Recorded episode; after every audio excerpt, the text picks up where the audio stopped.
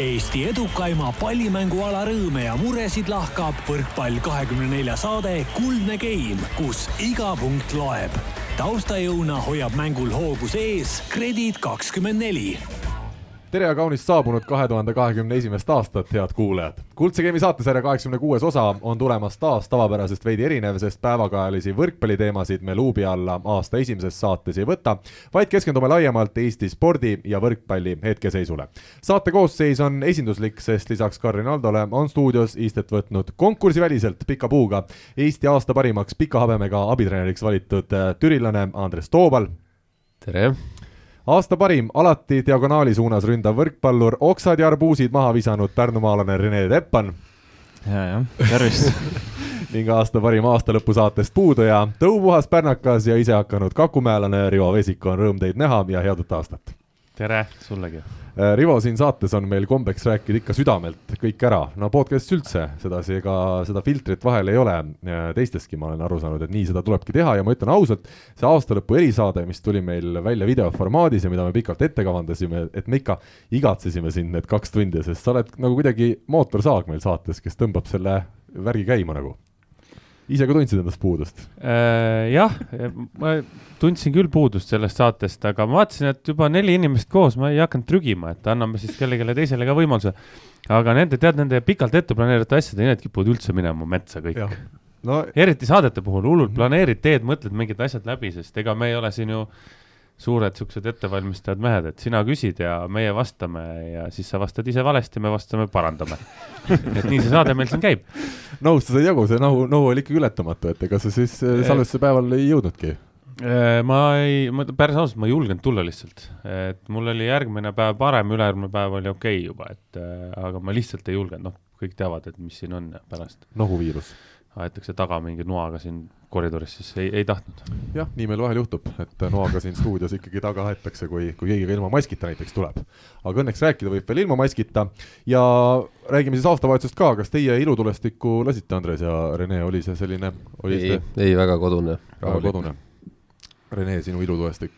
kolmkümmend üks oli veel trenn ja, ja väga-väga rahulik, jah ise küll otseselt raha vastu taevast ei lasknud jah, et äh, pigem ka selline rahulik äh, kahe, kahe kotiga, üsna sportlik selles mõttes, vaatasime Kossu terve õhtu vältel ja, ja käisime mere ääres Pärnu linna eemalt vaatamas, mis, mis küll tundus päris, päris efektne tegelikult, et aga, aga ise ma olen seda meelt jah, et raha vastu taevast niisama otseselt ei lase. kusjuures ma olen nõus, sest äh, ma ütlen ausalt, et üks jaburamaid traditsioone maailmas on, on see ilutulestiku laskmine juurest, et ühtpidi jõulude eel ja ajal on arenenud maailmas kombeks teha annetusi erinevatele heategevuslikele organisatsioonidele ja, ja viis päeva hiljem, aastavahetuse paiku on justkui kõik see nagu suund unustatud ja inimesed siis igal aastal maailmas miljardite eurode kaupa lasevad lihtsalt raha ju taevasse. ja, ja veel, et äh, ma ei tea, enne seda jõulurahu ja mingi metsadele ja loomadele ja. vaikust ja siis järsku ühel õhtul kõigil, kõigil keerame ja, jah, et äh, tagurpidi sellega, et, et huvitav jah.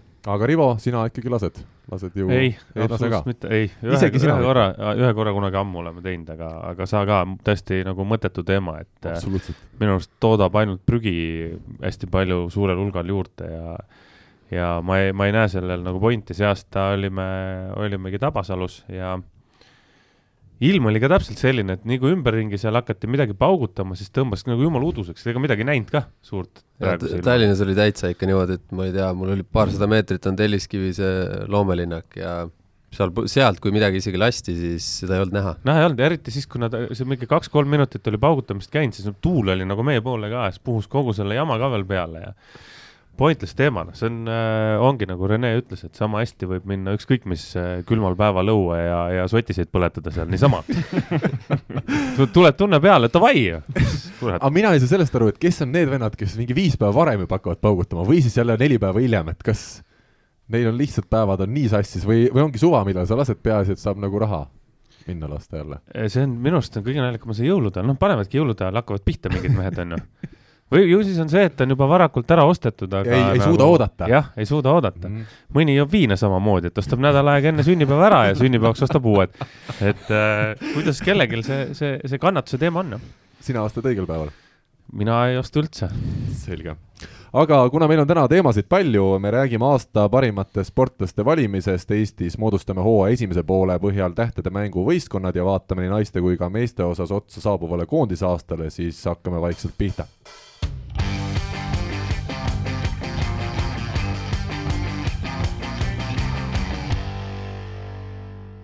esimene asi, enne kui me hakkame rääkima aasta parimatest sportlastest, treeneritest ja noorsportlastest, äh, mis minul välgatas jõulude ajal, kui taas mitte midagi muud ei olnud äh, teha, kui, äh, kui olla kodus ja ja, ja noh, lugeda ja televiisorit vaadata ja, ja meeletult palju süüa kõike, siis et miks ei võiks näiteks Eesti võrkpall olla erand, kus mängitakse ka jõulude ajal mingeid mänge? Andres muigab, ma saan aru, et see on treeneritele ja mängijatele on see on see mittemeeldiv, tahaks ikka perega olla koos, aga kokkuvõttes me ka Rivoga siin enne saadet arutasime, et see on ju meelelahutus kokkuvõttes ja kui meil jõulude ajal oleks Eesti võrkpall olekski suures pildis, sest ükski teine ala sel ajal sporti ei tee, siis me saaks sellist väga heal ajal kvaliteetset meediakajastust, ma arvan.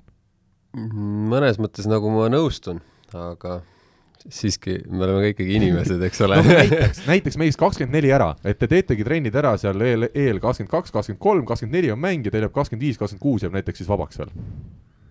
jah, kakskümmend neli päeval mingisugune aeg jah, see on nagu veel okei okay,, et eh, noh, aga eks see ongi sellega, et natukene seotud ka, et alati on karikafinaal seal lõpus. Ja tahes-tahtmata osad võistkonnad lähevad võib-olla seal noh, mitte justkui võiksid olla mingi hooaja keskse niisuguse natukene ütleme, vormi tipupool seal vähemalt, on ju, et et siis tekib jällegi see niisugune paus, kus äh, võib-olla on paar puhkepäeva ja saab hakata jälle natukene võib-olla rohkem jõu peale rõhku pööra, pöörata, et see teine osa po-, äh, sellest hooajast üle elada. et äh, noh, meil praegult on nagu selles mõttes hästi olnud, et ongi, ongi vähem on olnud pallitrenne, rohkem jõusaalis ja, ja võib-olla ka no, oleme ise natuke raskemad, et et see on tegelikult niisugune väike vajalik süst seal, kus saab niimoodi teha, et neid mänge ei ole.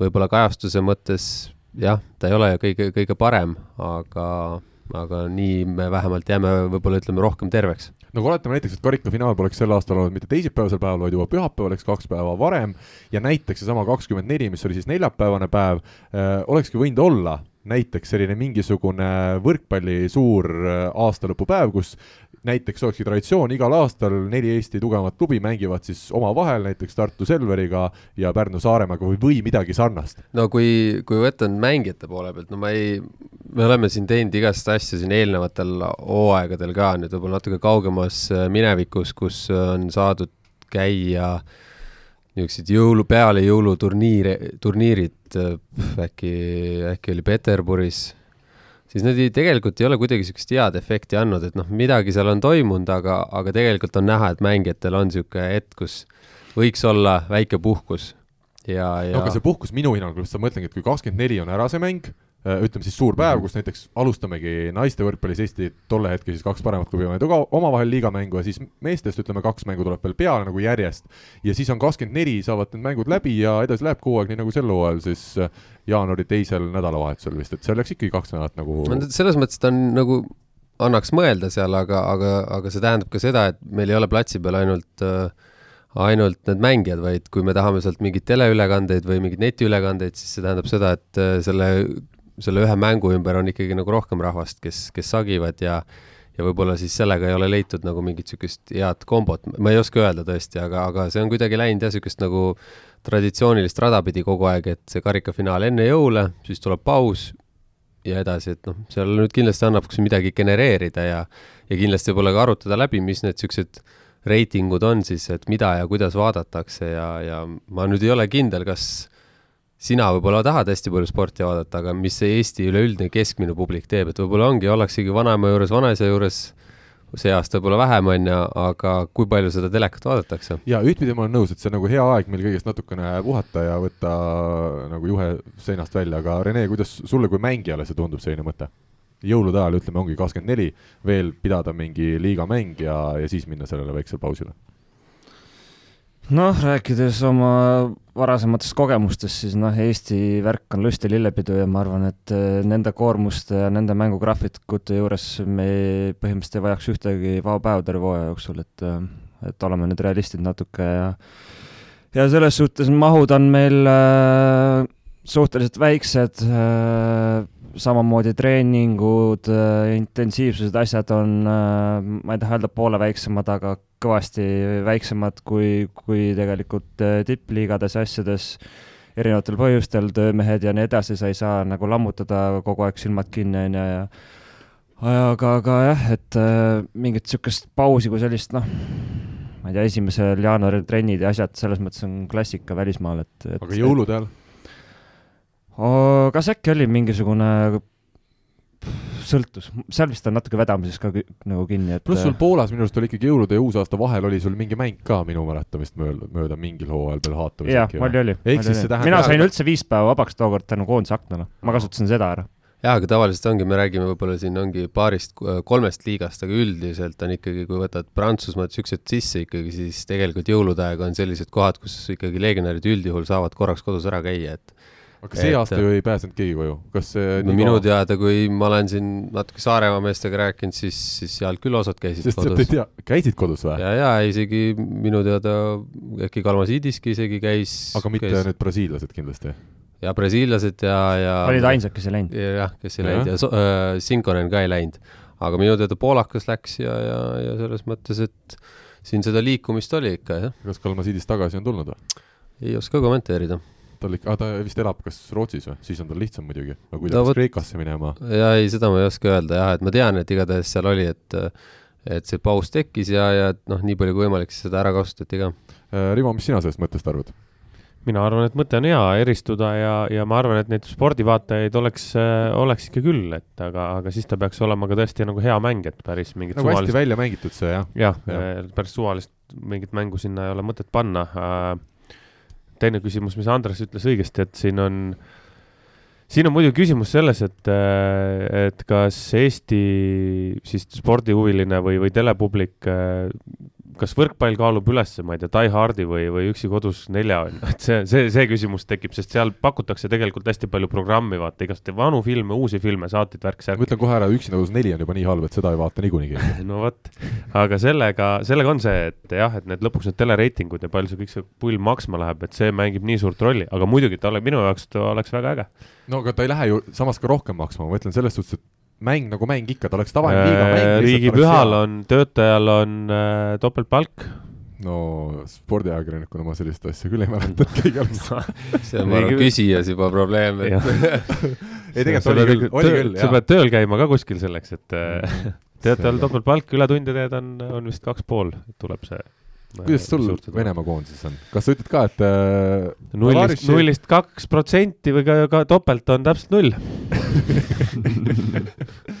selge. aga, aga jah, see tegelikult iseenesest mulle see mõte meeldib ja, ja no ma just hakkasin ka mõtlema, et ju..., et see oleks nagu võimalus eristuda teiste aladest ja, ja hetkel, mil muud tõesti ei ole, seda, seda kajastust nagu aga ma just mõtlen seda ka, et kas mingitel aastatel ei ole olnud, et on karikafinaal kahekümne kolmandal olnud? minu arust kas eelmine aasta ei olnud see kogu see ei, eelmine aasta oli vahetult enne, enne aasta lõppu oli mingi kakskümmend üheksa. aa jah, siis vastupidi jah. siis oli vastupidiselt jah. No kakskümmend üheksa ei ole ka mingi püha. ei ole, ei ole. okei okay aga ühesõnaga mõtte viskame õhku, kuidas sul rannavõrkpallurina oli, Rivo, sa jõulude ajal, uusaastal? me üldiselt, üldiselt olime ikka kodus, üks aasta või kaks aastat olid sellised, kus me läksime täpselt kahekümne neljandal sõitsime ära ja, ja ei noh, Venemaa koondisega on olnud nii, et, et esimene jaanuar on minek. Hollandis oli turniirid kolm aastat järjest või kaks aastat järjest niimoodi, et kolmandal algas turniir ja üle-eelmine aasta vist ma läksingi umbes kell kolm, tõusin. esimese kuupäeval, jah? uusaastal lauast püsti, sõprade juures olime, mul oli kohver kaasas. tõusin püsti, ütlesin nägemist ja läksin lennujaama.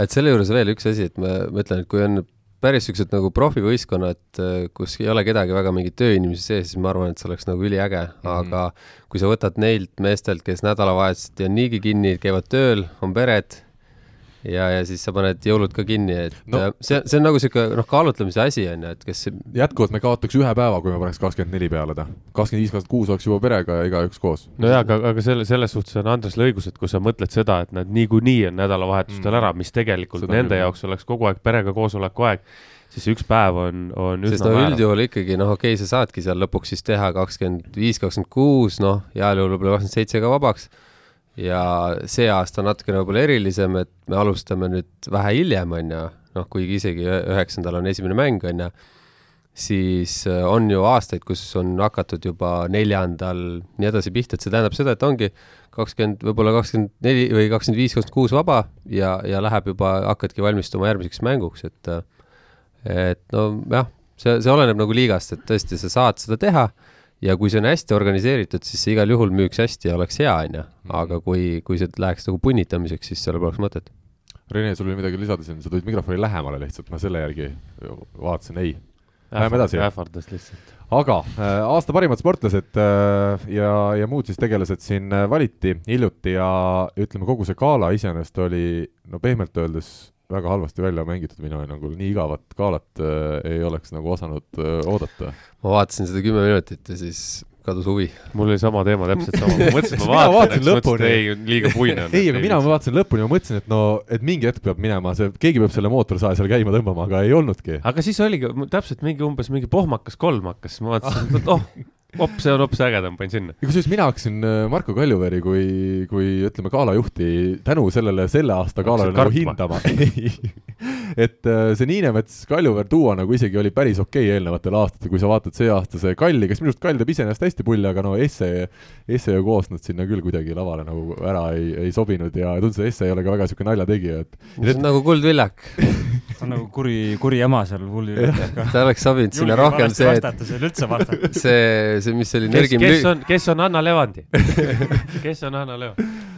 aga, aga ei tea jah, see, see stsenaarium oli kuidagi kehvasti kirjutatud, need naljad ju kõik olid, Niinemets oli sinna kutsutud nagu lihtsalt selleks, et ta ütleks kaks sõna iga sketši ajal ja need kaks sõna ka ei olnud nagu naljaga kuidagi seotud, et oleks võinud oluliselt paremini seda asja teha, aga ütleme ka spordiaasta ise oli, oli ju selline väga poolik teatud põhjustel võib-olla nad üritasid ka gala teha ka sellise pooliku. nojah, et samasse stsenaariumisse läks nagu kogu see spordiaasta aga võtame siis ette Ott Tänak, Martin Järveoja MM-i kolmanda koha puhul ähm, teenisid siis Eesti aasta sportlase auhinna. Ja mina ütlen, et minul küll kolm-neli aastat tagasi ka selle ülekajastatuse tõst-, tõttu see suurem rallihuvi kadus ära, kui ma enne ikkagi jälgisin vahel ka mingit ralliraadiot, kuulasin edasi, siis tänasel päeval ma jälgin umbes kord päevas seda ralli üldseisu, aga, aga kokkuvõttes ikkagi Tänak ja Järveoja ei ole selles ülekajastatuses kuidagi süüdi, nad on ikkagi väga kõvad mehed ja ja sõidavad rallit väga kiiresti ja mulle tundub, et nad igati teenisid ära ka sel aastal selle parima sportlase tiitli, et et ikkagi nad võitsid selle koduse ralli meil siin ja, ja olid ka maailmameistritiitli konkurentsis ju suuresti sees ja need tehnilised viperused olid pigem need, mis, mis saatuslikuks said, et igati õige esikoht, ma arvan.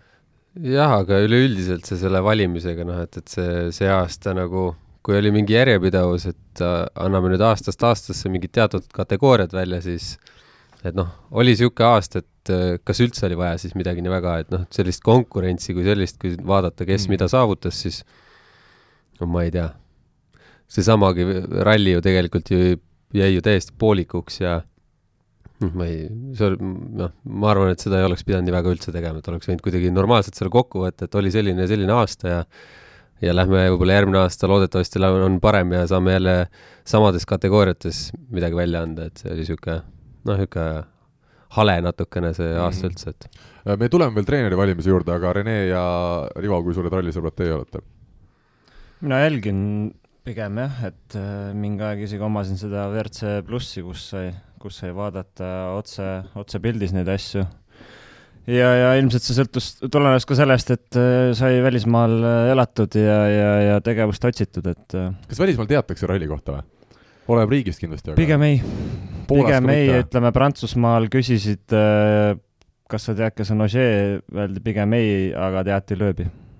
jah ja, ja, ja, ja mujal, noh, Poolas, Itaalias väga ei, ma arvan. Poola ralli samas on Itaalia, noh, Itaalias sõidetakse ka rallit, aga noh, seal on muidugi palju muud, aga, aga Poola ralli tundub nagu iseenesest siit Eestist vaadates päris suur sündmus seal Poolas, aga ju no, Poolal pole oma pilooti ikkagi nii kõrgel tasemel. Kubica läks Kubica ära. oli ja, ja noh, nüüd on jälle, nüüd on jälle F1 ja, ja, ja noh, neil on jalka, võrk ja nii edasi. Rivo, sinu ralli, ralli, no sul lube ei ole muidugi, aga ega see ei, see ei takista vaatamast see ei takista rallitamist kah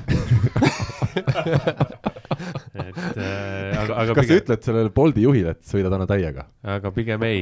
pigem ei jälgi? ei, ei, pigem ei jah, see tuleb nii palju, nagu sa ütlesid, tuleb nii palju peale, et mm, -hmm. et äh, kui vaadata neid uudiseid, siis minu arust on minu arust on nagu see uudiste kajastamise teema on ka ülinaljakas tänapäeval, et äh, kui sul on äh, meil oli siin suur, on ju, koroonakriis, jõhker koroonakriis, on ju, siis oli mingisugune ralli, kui rallinädal oli, siis oli koroonauudis oli neljas-viies mm -hmm., sest enne oli kõik, kogu, kogu, kõik uudisportaalid olid täis seda. aga samas, siin on see küsimus, et mina olen nagu sada protsenti, ma olen ka meedias töötanud, me oleme sporditoimetuste sees nii Delfis, Päevalehes kui ka Postimehes arutanud äh, põhimõtteliselt nädalast nädalasse, kas ja kui palju on mõistlik äh, seda rallit kajastada ja on väga erinevaid arvamusi, aga kokkuvõttes jääb peale see, et kui inimesed jälgivad nii meeletult Eestis seda rallit, siis sa ei saa muud teha, vaid sa panedki ta esimeseks, sest sul on nii suur huvi selle vastu. Jaa, ei ma olen sellega nõus, aga, aga ma täitsa, ma, mina arvan, et see on, kõik need sportlaste valimised äh, on väga tugevalt nagu väga-väga tugevalt seotud äh, kajastusega. ja sinna me jõuame kohe, Sugar Ivo jaa, aga, aga ühesõnaga selle teema kohta ma, ma ei oska kommenteerida, et äh, palju neid masinaid sealt WRC-s sõidab palju no, sõitjaid on? üks asi on see, palju WRC-s sõidab, selge on see, et sinna mahuvad väga vähesed, samas kui me vaatame, kui suur on näiteks Eestis äh, ralli harrastusspordina, kui suur see on spor-, Soomes, ma teisi riike lihtsalt ei tea nii hästi, aga autoga sõidavad, ikkagi kokkuvõttes on autoga sõitmine väga inimlik tegevus kõikides no, jaa, riikides. see, see, see, me taandub, nüüd see taandub siis selleni, et äh, me hakkame rääkima nagu mingitest litsentsidest, on ju, kas juhiluba on litsents, et kui me võtame, et juhiluba on mingisugune litsents sõita rallit siis, äh, siis see on maailmas absoluutselt kõige suurem spordiala. Mhm. sada protsenti, siin ei ole küsimust ka, on ju. et äh, aga, aga kui noh, võtame neid rallilitsentse, palju neid sõitjaid on, eks ju, siis ta taandub äh, nagu väikse, kui me võtame WRC sõitjad siis äh, palju neid on seal, kes seal etappadel osalevad? ei no mina näiteks, mina just ütlen seda, ma ei taha. kõvad mehed, ma üldse ei ütlegi, kõvad mehed, kõik on jumala pro-, tippsport, profisport ja kui... mina, mina panen ta ühte, ühte näiteks patta panen WRC ralli, panen ühte patta sõudmisega. Sõudmises on täpselt samamoodi vähe paate, lihtsalt ühte on põnevam vaadata kui teist. Hmm.. no aga mina näiteks võrdlen Kelly Sildaru alaga, eks ole, kus ma äh, minule kõrvaltvaatajana, võib-olla ma teen talle liiga, see on puhtalt minu isiklik arvamus, kui ma vaatan mingitel suurvõistlustel, kui suur on Kelly Sildaru, kes on siis ütleme, maailma parim oma alal, vahe seal ka näiteks kolmanda koha omanikuga, et isegi minule jääb nagu silma, et ta teeb oluliselt raskemaid trikke seal mingitel aastatel on teinud, kui see kolmanda koha omanik, kes on ka justkui siis maailma top kolmes, eks ole. samas, kui ma rallit vaatan, no Ott Tänak, kui sa vaatad seda pardakaamerat, see on ikka meeletu kiirus, kuidas nad seal metsade vahel panevad ja mulle tundub, et kõik need WRC sõitjad, kes seal ikkagi tipus on, need, need ongi üli-üli-ülihead ja seal ei ole nii, et esimese mees on hea ja kolmas tuleb juba sedasi rahulikult teise käiguga läbib neid kurve. nojah, seal äh, tuleb mängu ka mingisugune tehnika variant on ju, et kui hea on sul auto, kui head on sul mehaanikud, et see päris taandada seda sellele, loomulikult see piloot on seal väga oluline osa, aga ta ei ole nagu üks osa, ta ei ole nagu kõige suurem osa sellest, ma arvan no viiskümmend protsenti on. no ikka on, ma arvan. nojah. täna Tänak sõidab ükskõik millise seal äh, tehase. no täna Tänak väga ei sõitnud hooaja algul selle Hyundai'ga midagi siin, et ärme, ärme nüüd seda räägime, kui sul tehnika veab alt, on ju, kui sul mehaanikud on kehvad, siis sul ei ole nii lihtne sõita see, see ei ole päris nii, on ju, et sa. ei, sellega ma olen nõus. kui sa oled Bolt ja jooksed kiiresti, siis sina jooksed kiiresti. sul na-, naelikud ei anna väga juurde ja mees, kes keerab neid naelikuid kinni seal, ta ei anna sulle juurde Kelly Sildarul on samad suusad, mis on teistel, on ju, sama kombinesoon, mis on teistel või millega nad iganes sõidavad seal. tema on see, kes teeb trikke, tema on see, kes on tehniliselt parem, tema on see, kes oskab rohkem. siis ma arvan, et need mehed suudavad sõita kõik autoga väga hästi, nagu väga-väga hästi -hmm, on ju. ja, ja, ja samas ma ütlen seda, et, et kui panna Kelly Sildaru sinna autosse, oleks temal hirmus ja kui lasta kuradi ma Ott Tänak sealt mäest suuskada ka, oleks temal ka hirmus, et. kummal hirmsam oleks? Eh, ma, ma arvan, et mõlemal oleks väga hirmus, et me, seda, seda nagu niimoodi, nii sedasi ma üldse ei hakkakski võrdlema, noh, et see vahe tuleb sisse kuskilt teisest kohast. aga mis on fakt, oleme me siis Sildarude ja Tänakute fännid või mitte, aga nad mõlemad on oma ala täielikus tipus ja sellesse küll nagu kuidagi ei saa keegi absoluutselt, absoluutselt, siin, eks sellest siin ei vaidle, ma ütlen, kõvad vennad, väga-väga kõvad mehed, et äh, siin, siin ei olegi midagi öelda ja, ja ju nad siis on ära teeninud selle. aga e, enne, kui Selveri mehed meil juba stuudiost ära lähevad, e, võtame siis aasta treeneri valimise ja Anna Levandi siis e, Eva-Lotta Kiibuse EM-il seitsmendale kohale aidanud ütleme siis iluuisutamise legend oli siis aasta parim, teine koht Aavo Keelele, kes Läti võrkpallikoondise vedas EM-finaalturniirile ja kolmas oli vist Indrek Tobreluts, meie laskesuusatajate treener ja no alustame sellest, et saada Eesti aasta treeneri tiitel sellega, et keegi jõuab EM-il seitsmenda kohale see näitab, kui ikkagi, kui ikkagi vähe seda sporti kokkuvõttes sel aastal tehti, et äh, üldiselt meil võistlevad maailmameistrite treenerid ja olümpiavõitjate treenerid omavahel, et sel aastal oli natuke teistmoodi. Rene, sa muigad ilusasti, kas sul oli oma valik seal treenerina? ei, ma tahtsin küsida, mis nüüd läks Rivo jäi. Ivol ei ole treeneri litsentsi ja sealt kõik pihta algab. Kuigi ma vaatasin ma, täna, ma, ma, ma olen ikkagi võitja. ma kuulasin täna äh, mingit teeme sulle vimpli siin. jah, tehke võib-olla jah. ma kuulasin üle väga pika aja Mehed ei nuta saadet, kuna see sattus täpselt samal ajal minu tööle tulemisega. sama, ma ka just kuulsin autos ja sellepärast küsisin. ja siis seal oli, seal käis Tarmo Paju, mainis isegi Rivo Veesiku nime, et kuidas on võimalik, et EM-i hõbemedalist meil siis eh, ei ole nagu valikus, aga siis neile ka keegi kuulaja ütles, et seal jah, see Mm. mm. treeneri litsents on ikkagi puudu. ja ma ütlen lihtsalt kuulajatele, et praegu Rivo, sel hetkel, kui me räägime temast, ta keris oma käised üles. Ma olen valmis. Läheb sõjaks. Äh, ja siis on, siis tuleb minu küsimus siin. selle, Anett Kontaveidi treener, nii, ta on välismaalane, kas tal on Eesti litsents või ei ole? nagu tal on treeneri litsents. aga milline on, oled sa kindel oled sa kindel selles? ma ei hakka sinuga praegu Oled sa kindel selles? ma ei tea. olete te kindlad, et need kõik, kes on kandideerinud, välistreenerid, et neil on treeneri litsents. Ei, ma olen nõus, et see on jabur, kui me kokkuvõttes ükskõik, ütleme, et sa juhendaksid Mart Tiisart ja Kusti Nõlvakut, nad tuleksid olümpiavõitjaks ja siis Rivo Vesikut ei ole seal kandidaat, kuna tal ei ole seda mingi treeneri litsentsi, ma arvan, et siis ja, ja aga, aga kui ma oleks, võtaks endale Venemaa kodakondsuse, Läti kodakondsuse, juhendaks siis Marti ja Kustit, kes tuleks Euroopa meistrivõistlustel pronksile. Mm, siis, keegi uuriks sult siis seda, kas sul on siis ma, siis ma oleks nagu ilge kunn, onju. aga võta siis Venemaa kodakondsus omale. Ma ei taha. aga kusjuures ma tahan sinuga veel vaielda ühele asjale, vaata, me oleme sinuga vaielnud, et kas EM-finaalturniirile pääsemine äh, ütleme näiteks Läti koondisega äh, Aavo Keele puhul on kõvem saavutus kui sinu EM-i hõbe venelastega. ja noh, justkui tundub, et saavutus on kõvem EM-i hõbe kui see finaalturniirile jõudmine, aga kui me võtame Tarmo Rüütli, kes Eesti jalgpallikoondise siin pea kümmekond aastat tagasi viis EM-i siis sinna play-off'i, valikturniirilt edasi sinna play-off'i, kus siis üks samm jäi meil puudu finaalturniirist, siis kas sa saad öelda, et Tarmo Rüütli kuidagi ei teinud kõva saavutust, sa pead ikkagi vaatama konteksti alati ju, kui Tarmo Rüütli Eesti nende puujalgadega kus tõsi, tol hetkel oli ka paar päris head meest, Vassiljev oli hea ja Dmitrijev oli hea ja seal oli veel paar head meest. et nad, ta jõudis nagu nii kaugele, siis ei saa öelda, et, et kas Tarmo Rüüt oleks pidanud siis EM-il saama hõbeda, et ta oleks võrdväärne kellegagi, kes tol hetkel viis mingi individuaalsportlase medalini või? ütle lihtsalt jah. ei noh, selles suhtes kõva saavutus muidugi, eks me jõuame on, jälle sinna, näitab, et on võrreldamatud. millega me võrdleme jah, et äh, sellisel juhul peaks olema konkreetsed kriteeriumid kirjas, väga konkreetsed. medal, medal, medal on see, la la la la la Mhm. on see, nii edasi, nii edasi, nii edasi. et sealt me valime, muidu me lähmegi siin, siin jääbki lappama kogu see asi. just, me võrdleme mingit asja, noh, kasvõi seesama on ju, et äh, kui palju on reaalselt litsenseeritud jalgpallureid maailmas, no see on müstiline arv. ja kui palju on litsenseeritud rannavõrkpallureid. Me ei räägi kas ma pean oma litsentsi, litsentsi tegema või? see, see selleks, ma isegi ei tea, kas seal on mingit vahet. aga sama on äh, näiteks selle vigursuusatamisega on ju, et sa lähed Kuutsemäele, seal on neid suuskadega tuleb isegi meil neid inimesi alla sealt hüppavad, kas tahtlikult või tahtmatult hüppavad ja teevad trikke.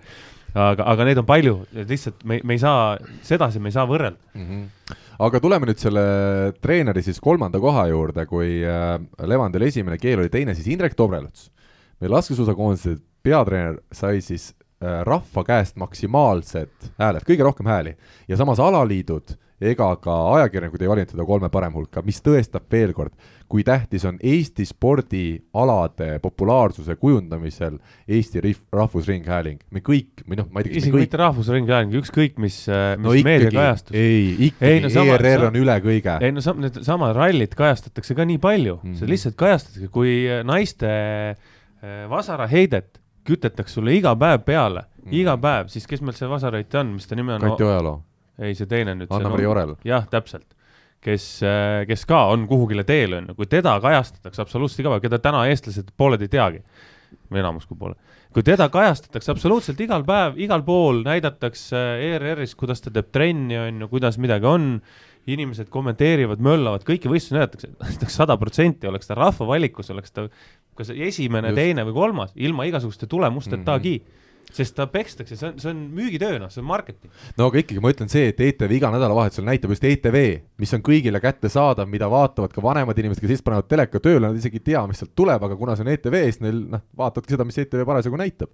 ja tänu sellele, et Tobrelut seal pärast lasketiiru näitab, et näed, et praegu meil lasi äh, siin Ermits lasi vasakule kolme või paremale kolme peale lasi kaks tükki mööda ja, ja siis lasi seal kaheteist peale veel väga mööda, siis jääbki mulje, et näed, vaata, mis treener, olgugi et võib-olla sportlased lasid väga mööda sest kokkuvõttes Eesti laskustamisel ei olnud mingit supereelist aastat, Tomingas on nüüd hooaega alustanud hästi ja eelmisel hooajal olid seal paar tükki ka väga head ja ma olen nõus, et Oja ja Tsahkna MK-etapi üks õnnestumine oli tubli saavutus, aga selle põhjal valida siis äh, meie laskesuusakoondis nagu aasta parimaks treeneriks rahva poolt, noh, näitabki, kuivõrd äh, populaarne see ongi jah, rohkem nagu see, kes, kes suutis sinna pildis olla just, nagu positiivne kuju ka, noh, Taurus seal vana rahu ise räägib oma jutud ära ja võib-olla ütleb vahepeal ausalt ka, et läks pekki ja, ja, võib-olla ta ongi leidnud rahva, rahvale ta on tõenäoliselt niisugune sümpaatne inimene, jah. leiabki selle, et nojah, aga mis ma, mida, kelle, kelle, kes treeneritest üldse veel siin mm. mingit, mingit meediakajastust sai, noh, polnudki. iga nädalavahetus on sümpaatne inimene telekas, siis jah, siis see on nagu Õnne kolmteist, jah.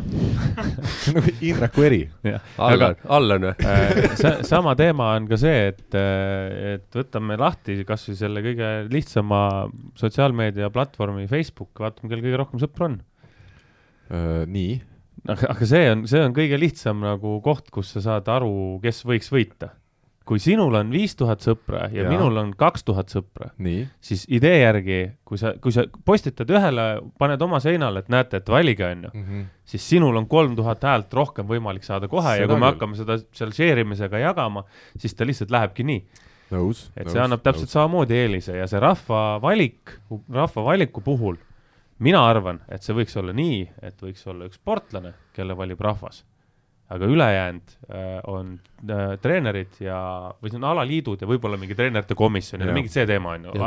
ja kui, oleks Tänakul Järveojal treener, siis oleksid nemad olnud. ilmselt Tarmo Tiits on jah, kusjuures. on ju, aasta treeneriks minu arust praegu. jah. pluss ta ju Läti koondisega, aga kas ta see aasta oli Läti koondise juures või? ikka oli vist. vast ikka oli. jah. Kontaveidil ka. noh, Tiits on aasta siin ei ole treener, siin ei ole küsimustki praegu ju küsimust. Tarmo Tiits, oota, paneme aplausi ka, oota, kus see on? ei ei, mitte see, see jah. näe see. Tarmo Tiits, aasta treener kaks tuhat kakskümmend, kõigi Eesti paremate sportlaste treener. treener, jah, jah, ongi nii. nüüd ei olegi mingit vaidlust enam. Ivo, sa võid ka hingata nagu väga puhtalt, sest sa tead, et noh, Tiitsule sa ei oleks kuidagi vastu saanud.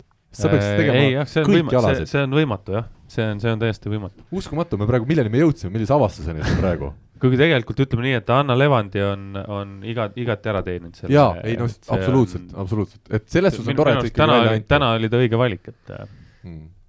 vot, aga läheme edasi ja noor sportlane siis äh, minu jaoks, mis oli huvitav, meil valiti selleks Sildaru, aga äh, oli ka siis kolme parema seas Johannes Erm äh,, mulle kirgitustik väga meeldib ja Erm on väga, väga sümpaatne ja tore inimene ja väga andekas Eesti kümnevõistleja, aga tema pääses siis sinna kolme nominendi hulka sellega, et ta kogus seitsme võistlus kuus tuhat ükssada punkti. Talvel üks võistlus, kuus tuhat ükssada punkti ja sellega ta siis pääses sinna kolme hulka, ta on küll eelnevatel aastatel olnud äh, noorte seas omaealiste tiitlivõistlustel medalil, aga, aga sel aastal noh, neid tiitlivõistlusi ei olnud. Ja kui me võtame siia kõrvale lihtsalt täpselt sama vana, kahekümne kahe aastase Kertu Laagi, kes mängis maailma kõige stabiilsemalt kõrgema tasemega liigas, Itaalia kõrgliigas, ja teda nagu ei olegi seal kandidaatide, ma arvan, kuskil noh, võib-olla suures ringis kuskil oli, aga noh, kolme hulka ta ei pääsenud, et taaskord, kui raske on pallimängusportlasel jõuda kuskile valitute sekka, ma ei tea, mis imeasja oleks pidanud Kertu Laak tegema. mis, kes seal kolmas veel oli siis? uh,. ma ei mäleta hetkel. oota, aga. mis vanuses see noored lõpetavad? kuni kakskümmend kolm, U kakskümmend kolm aga see? kibus oli siis ka või? jaa, tema just et selles mõttes, et treener saab, aga sportlane ise ei saa midagi. jah. see on ka nagu päris sihuke huvitav e- efekt, et äh, et miks siis ei olnud äh, Sildaru treener, kes on aasta, ma ei tea, noorsportlane. oli, aasta oli. oli aasta spo-, jah, aga tre-, tema treener ju oli, oli jah Mihkel Ustav oli, aga ta oli seal ka- täitsa seitsmes-kaheksas kuskil No seal, vot, et et, äh, äh, aga, aga jah. segased lood. ei no selles suhtes äh, vahel tundub veider, kuid su mõttest aru saan oleks, oleks, tahaks näha nagu seda täisnimekirja, kes sinna üldse valitud oli mm., siis saaks nagu midagi kommenteerida ka, sest äh, ja või võib-olla jõuab ta jälle sinnamaani, et kui palju midagi kajastatud on ja, ja, ja kes kus nagu mida teeb, mm. -hmm. sest Kertu Laak tõesti, noh, ta ongi, ma arvan, Kelly Sildarul oleks ammu aeg konkureerida täiskasvanute hulgas, see, see noor, noorsportlase iga võiks Eestis lõppeda törts varem ära tegelikult, olgem ausad. aga kusjuures ma pakun välja ühe asja, mida siin saab, noh võrkpallis on ka sidemängija positsioon, mida sa ei saa kuidagi punktidest hinnata, aga näiteks kui me valime aasta parimaid sportlasi, me ei pane sinna juurde, et äh, Robert Täht äh, mängis Perugias, vaid me paneme Robert Täht mängis Perugias kes-, keskmiselt äh, seitseteist punkti pluss üheksa mängus Itaalia liigas, Eesti koondises keskmiselt finaalturniiril näiteks kolmteist punkti pluss viis, siis on mingi tulemus, mida see vaataja saab nagu hinnanguliselt äh, aga mis see näiteks äh, a la ujumisliidu või karateliidu tegelastele peaks andma, et sa paned need sinna pluss või noh, plussid ta, vaatabki, et Robert Täht tõi kuusteist punkti, ta saab midagi ka aru. siis sealt annab veel võib-olla vägevamaid numbreid välja. Kevin Saar, Küprose liiga, eks ole, no seitsekümmend punkti mängus. okei okay,, aga kas meil on veel siin sõnavõtte, Rene vaatab Ei, lähme edasi. nii, kusjuures äh, küsimus sorry Rene äh,, see naisterahvas äh,, milline neist? kes tu- Anna Levandi. ei, aasta Kiibus. veteran sportlase tiitli, jaa, see on ju Vantside jah, Merle Vantsi jah? jah, jah. jah, see on äh, siis äh, Willie Vantsi abikaasa. jah, just. on ka või ma mõtlesin jah, ma mõtlesin, et Mina- hästi tuttav nii. kuule, sa vaatasid kümme See- minutit ainult saad, kas see oli ei, ma lugesin, ma lugesin uudist, oh.. ma lugesin uudist, aga ütleme nii, et vot need tulemused olid impressive, seal oli ikka nelikümmend maailmarekordit ja mingeid maailmameistritiitleid sinna-tänna taliujumises äh,. tubli naine, on. paneb nii On, on. kulda ja mis veel lapsed on kasvatanud, eks ole, üles, kes on kõik õige ala valinud. Et see on nagu ka. ja siis ja kohe tekkis minul äh, selle peale esimene küsimus tekkis see, et äh, kas Türil ei ole ujulat, et peab kogu aeg väljas ujuma. on, on või? muidugi. kuule, meil, miks te meil oli, meil oli kogu aeg olid ujumistrennid isegi sees, jah? juures oli ujumistrennid sees, nii et äh, kabriolett ujula ilma katuseta. ja, ja, ennem tuli Eesti Vabariik peale, kui Nõukogude Liidu aegne ujula valmis sai. Vesi on siiani sees sama. nii et aga mida me oleme siin praegu selle arutelu käigus äh, paarikümne minutiga avastanud, on see, et kui palju ikkagi Eesti võrkpall domineerib tegelikult Eesti sporti. me saime Tarmo Tiitsusid kätte, kes on ikkagi eelkõige tõupuhas võrkpallur olnud ja me saime siit ka veteransportlase, kes esineb justkui taliujujana, aga tegelikult on ta läbi ja lõhki võrguinimene ikkagi. no vot. Eesti võrkpall on kõva. kõvad. Jeesus, selle peaks kuidagi saama avalikkuseni, selle meie tänase saate info. peaks tegema järgmine aasta nii, et kes on seda Eesti E- ERR-i peaks selle saatma. jah, Jah. sa tee, sa tee uudis valmis pärast, et äh, järgmine aasta on nii, et või noh, sellel aastal on nii, et kes on aasta parim võrkpallur, on ka ühtlasi parim sportlane. nii, aga läheme edasi ja räägime siis aasta võrkpalluri valimisest. veel ei ole välja kuulutatud seda aasta parimat võrkpallurit ja mina ütlen, et päris raske, noh, nii nagu üldiselt, nii ka võrkpallis oli, oli raske seda parimat valida. ja kui mul ikkagi Toomas Vara veel täna hommikul käis peale, et saada ära oma kolmik naistest ja meestest, siis ma tegin puhtalt parima valimisel siis selle selle põhjal, et kes meil mängis kahe tuhande kahekümnendal kalendriaastal kõige kõrgemal tasemel meestest ja kes naistest. Robert Täht mängis meil Perugias, see aasta on Resolves, tema läks meestest parimaks, kuigi ma olen nõus, et tal isiklikus plaanis ju ei olnud mingi väga hea aasta, nii vigastusi ei olnud kui ka varus oli väga palju. Ja naistest siis valisin Kertu Laagi parimaks, sest ma, ma ei osanud mitte mingil muul moel midagi nagu valida, et see nii keeruline ülesanne, Rivo, keda sa oleks valinud? naiste puhul on selge, on ju, meeste puhul äh, ei oska kedagi valida, et Mm. mm. kõik, kõik on ju, noh, Kristo Kollo võitis midagi, kes veel midagi võitis, Kristo Kolle krooniti Rumeenia meistriks. kes veel midagi võitis? ma vist võist-, mitte keegi, väga hästi ei jagatud. Raadik tu- seal, kus ta ei, ei, kas Belgias ei antud välja või? aa, oota, mida kanti?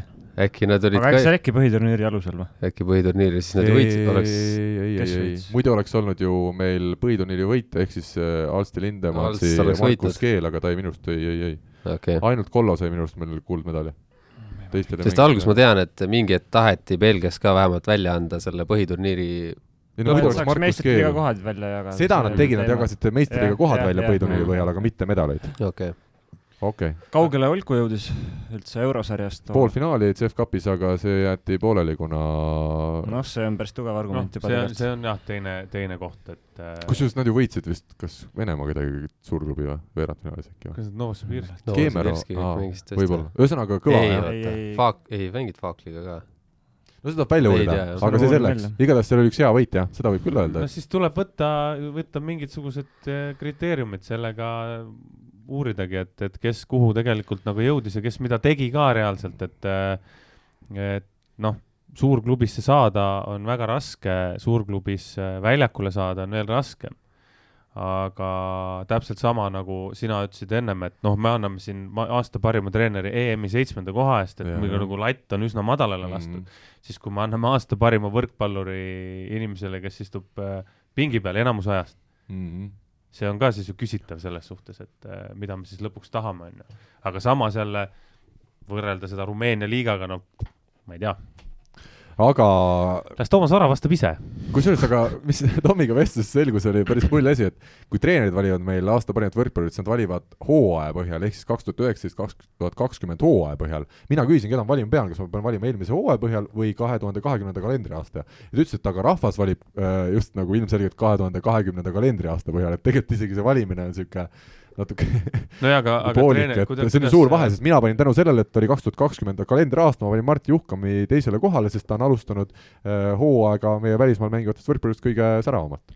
see on ju aasta, mitte hooaja valimised, et kui aasta on, sul jääb sinna koondise suvi sisse, sinna jääb igasuguseid asju Jah, sisse veel, et see aga selle treenerid hooaja pidid võtma üheksateist, kakskümmend klubihooaja pluss siis kaks tuhat kakskümmend koondise suve. aa okei okay,, selge. no vot jah, ja nüüd on ju teine sakslane ju sai hoopis see finaali. mm. -hmm. No vot, siis sul oleks veel keerulisem. just. ei no tegelikult ongi. Volku võitis äh, Izmiri veerandfinaalis aa, hoopis. mis venelastega võtsid Kuskil- poolikus on ju või? äh,. Modena oli poolikus. eelmise aasta, jah. Nad võitsid aasta me ei saa varem kunagi teada, noh, ilmselt seal Modena, eelmise aasta Modena oleks nüüd ära koputanud. Ma selle väidan seda aasta, üheksakümne selle aasta on viie protsendilise naljakas. aga jah, vaata, kui me praegu siin arutame, siis äh, lähebki järjest raskemaks, sest Karli Allik äh, Jah. ju tegi ka oma tulemuse veel eelmise aasta numbri sees on ju. just. ei tegelikult, aga mina ütlengi, mina, kuna see oli võimatu oli valida mingi, mingi loogika järel midagi, siis ma valisin esimese koha meestest, panin Selleri, kes mängib kõige kõvemas klubis kaks tuhat kakskümmend aastal, see oli Robert Täht, teine panin äh, see, kes on siis klubi aastat kokku võttes teinud nagu säravaid esitusi, Mart Juhkami, kuna ta on hooaega meistrite liigas alustanud äh, erinevalt allikust, mis siis tema kasuks rääkis, pluss ta on Saksamaa liigas olnud hea, ja kolmandaks ma panin, te nüüd hakkate võib-olla naer- naerma, Albert Hurda, sest tema oli minu hinnangul koondise suvel kõige rohkem esile kerkinud äh, mängija, et ma võtsin nagu erinevate asjade põhjal igalt poolt nagu kedagi. noh, alati võib Nojah, Andrei aga Aganitsa see- ja see- Timo Tammemaa panna ja Lähebki nagu populaarsuse valimiseks, mitte nagu just, kuna ongi võimatu, kuna ei ole mingit no konkreetset hetkel ongi, mille noh, järgi ongi raske, no ei olegi midagi selles mõttes valida, et puhastame õhku ja teeme vahepeal tegusid ja siis vaatame uuesti, et küsimus, Karl, sulle nüüd selle kohta, et äh, tugevast klubist, kui äh, mängija tugevas klubis on vigastatud, nii. Nii, kas, kas siis sa valid tema ei no ma ütlengi, et on võimatu, lihtsalt Vara ütles mulle, et pane, et sa pead panema, et meil on nii vähe neid äh, võib-olla siis ajakirjanikke, kes äh, võrkpalli kajastavad, et, et tuleb ikka igalühel nagu anda oma panus. mina, ma ütlen, ma jätan hääletamata, ma astun välja Eesti Spordiajakirjanike Seltsist, ma peaks iga aasta seda valikut tegema täiesti mingi alusetu erinevate alade, mis võ- võrreldamatud põhjal, et vähemalt võrkpallurid me valime vähemalt ühe ala tegijad, kus meil on midagigi võrreldavat. aga lepime ühe asja kokku, et äh, Tarmo Tiits on parim. Tarmo Tiits on parim ja, ja kõik mehed on kõvad mehed. see, vot sellega ma olen küll nõus, Eesti võrkpallis kindlasti. aga tahate nüüd sõna võtta, kes siis, või oligi naistest siis parim Kertu Laak ja, ja meestest, kelle te valiksite, on siin, ütleksite välja midagi või? sinnapoole vaata, ma sinnapoole. vaatan, okei okay.. jube keeruline, jube Okei. keeruline, ma ei, ma tõesti ei anna välja. nii et äh, Rene ütleb, et me ei anna auhinda see aasta välja, vaatame, kas Võrkpalliliit seda ikkagi teeb või mitte. järgmine Ma aasta saab kaks auhinda. ei, et me hakkame siis andma, kui Renks on jälle tagasi. ja vormis. super, aga läheme edasi, meil on äh, ees üks väga intrigeeriv teema.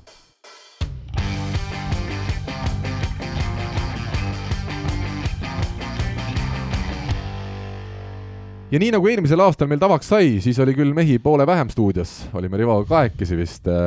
nii ka sel aastal siis valime hooaja esimese poole põhjal tähtede mängu koosseisud ja sel aastal siis oleme otsustanud, et ühele poole väljakut läheb Eesti mängijate võistkond siis Grade kakskümmend neli meistriliigas mängivate Eesti mängijate meeskond ja teisele poole lähevad nii Eesti klubide legionärid kui ka Läti klubide paremad mehed.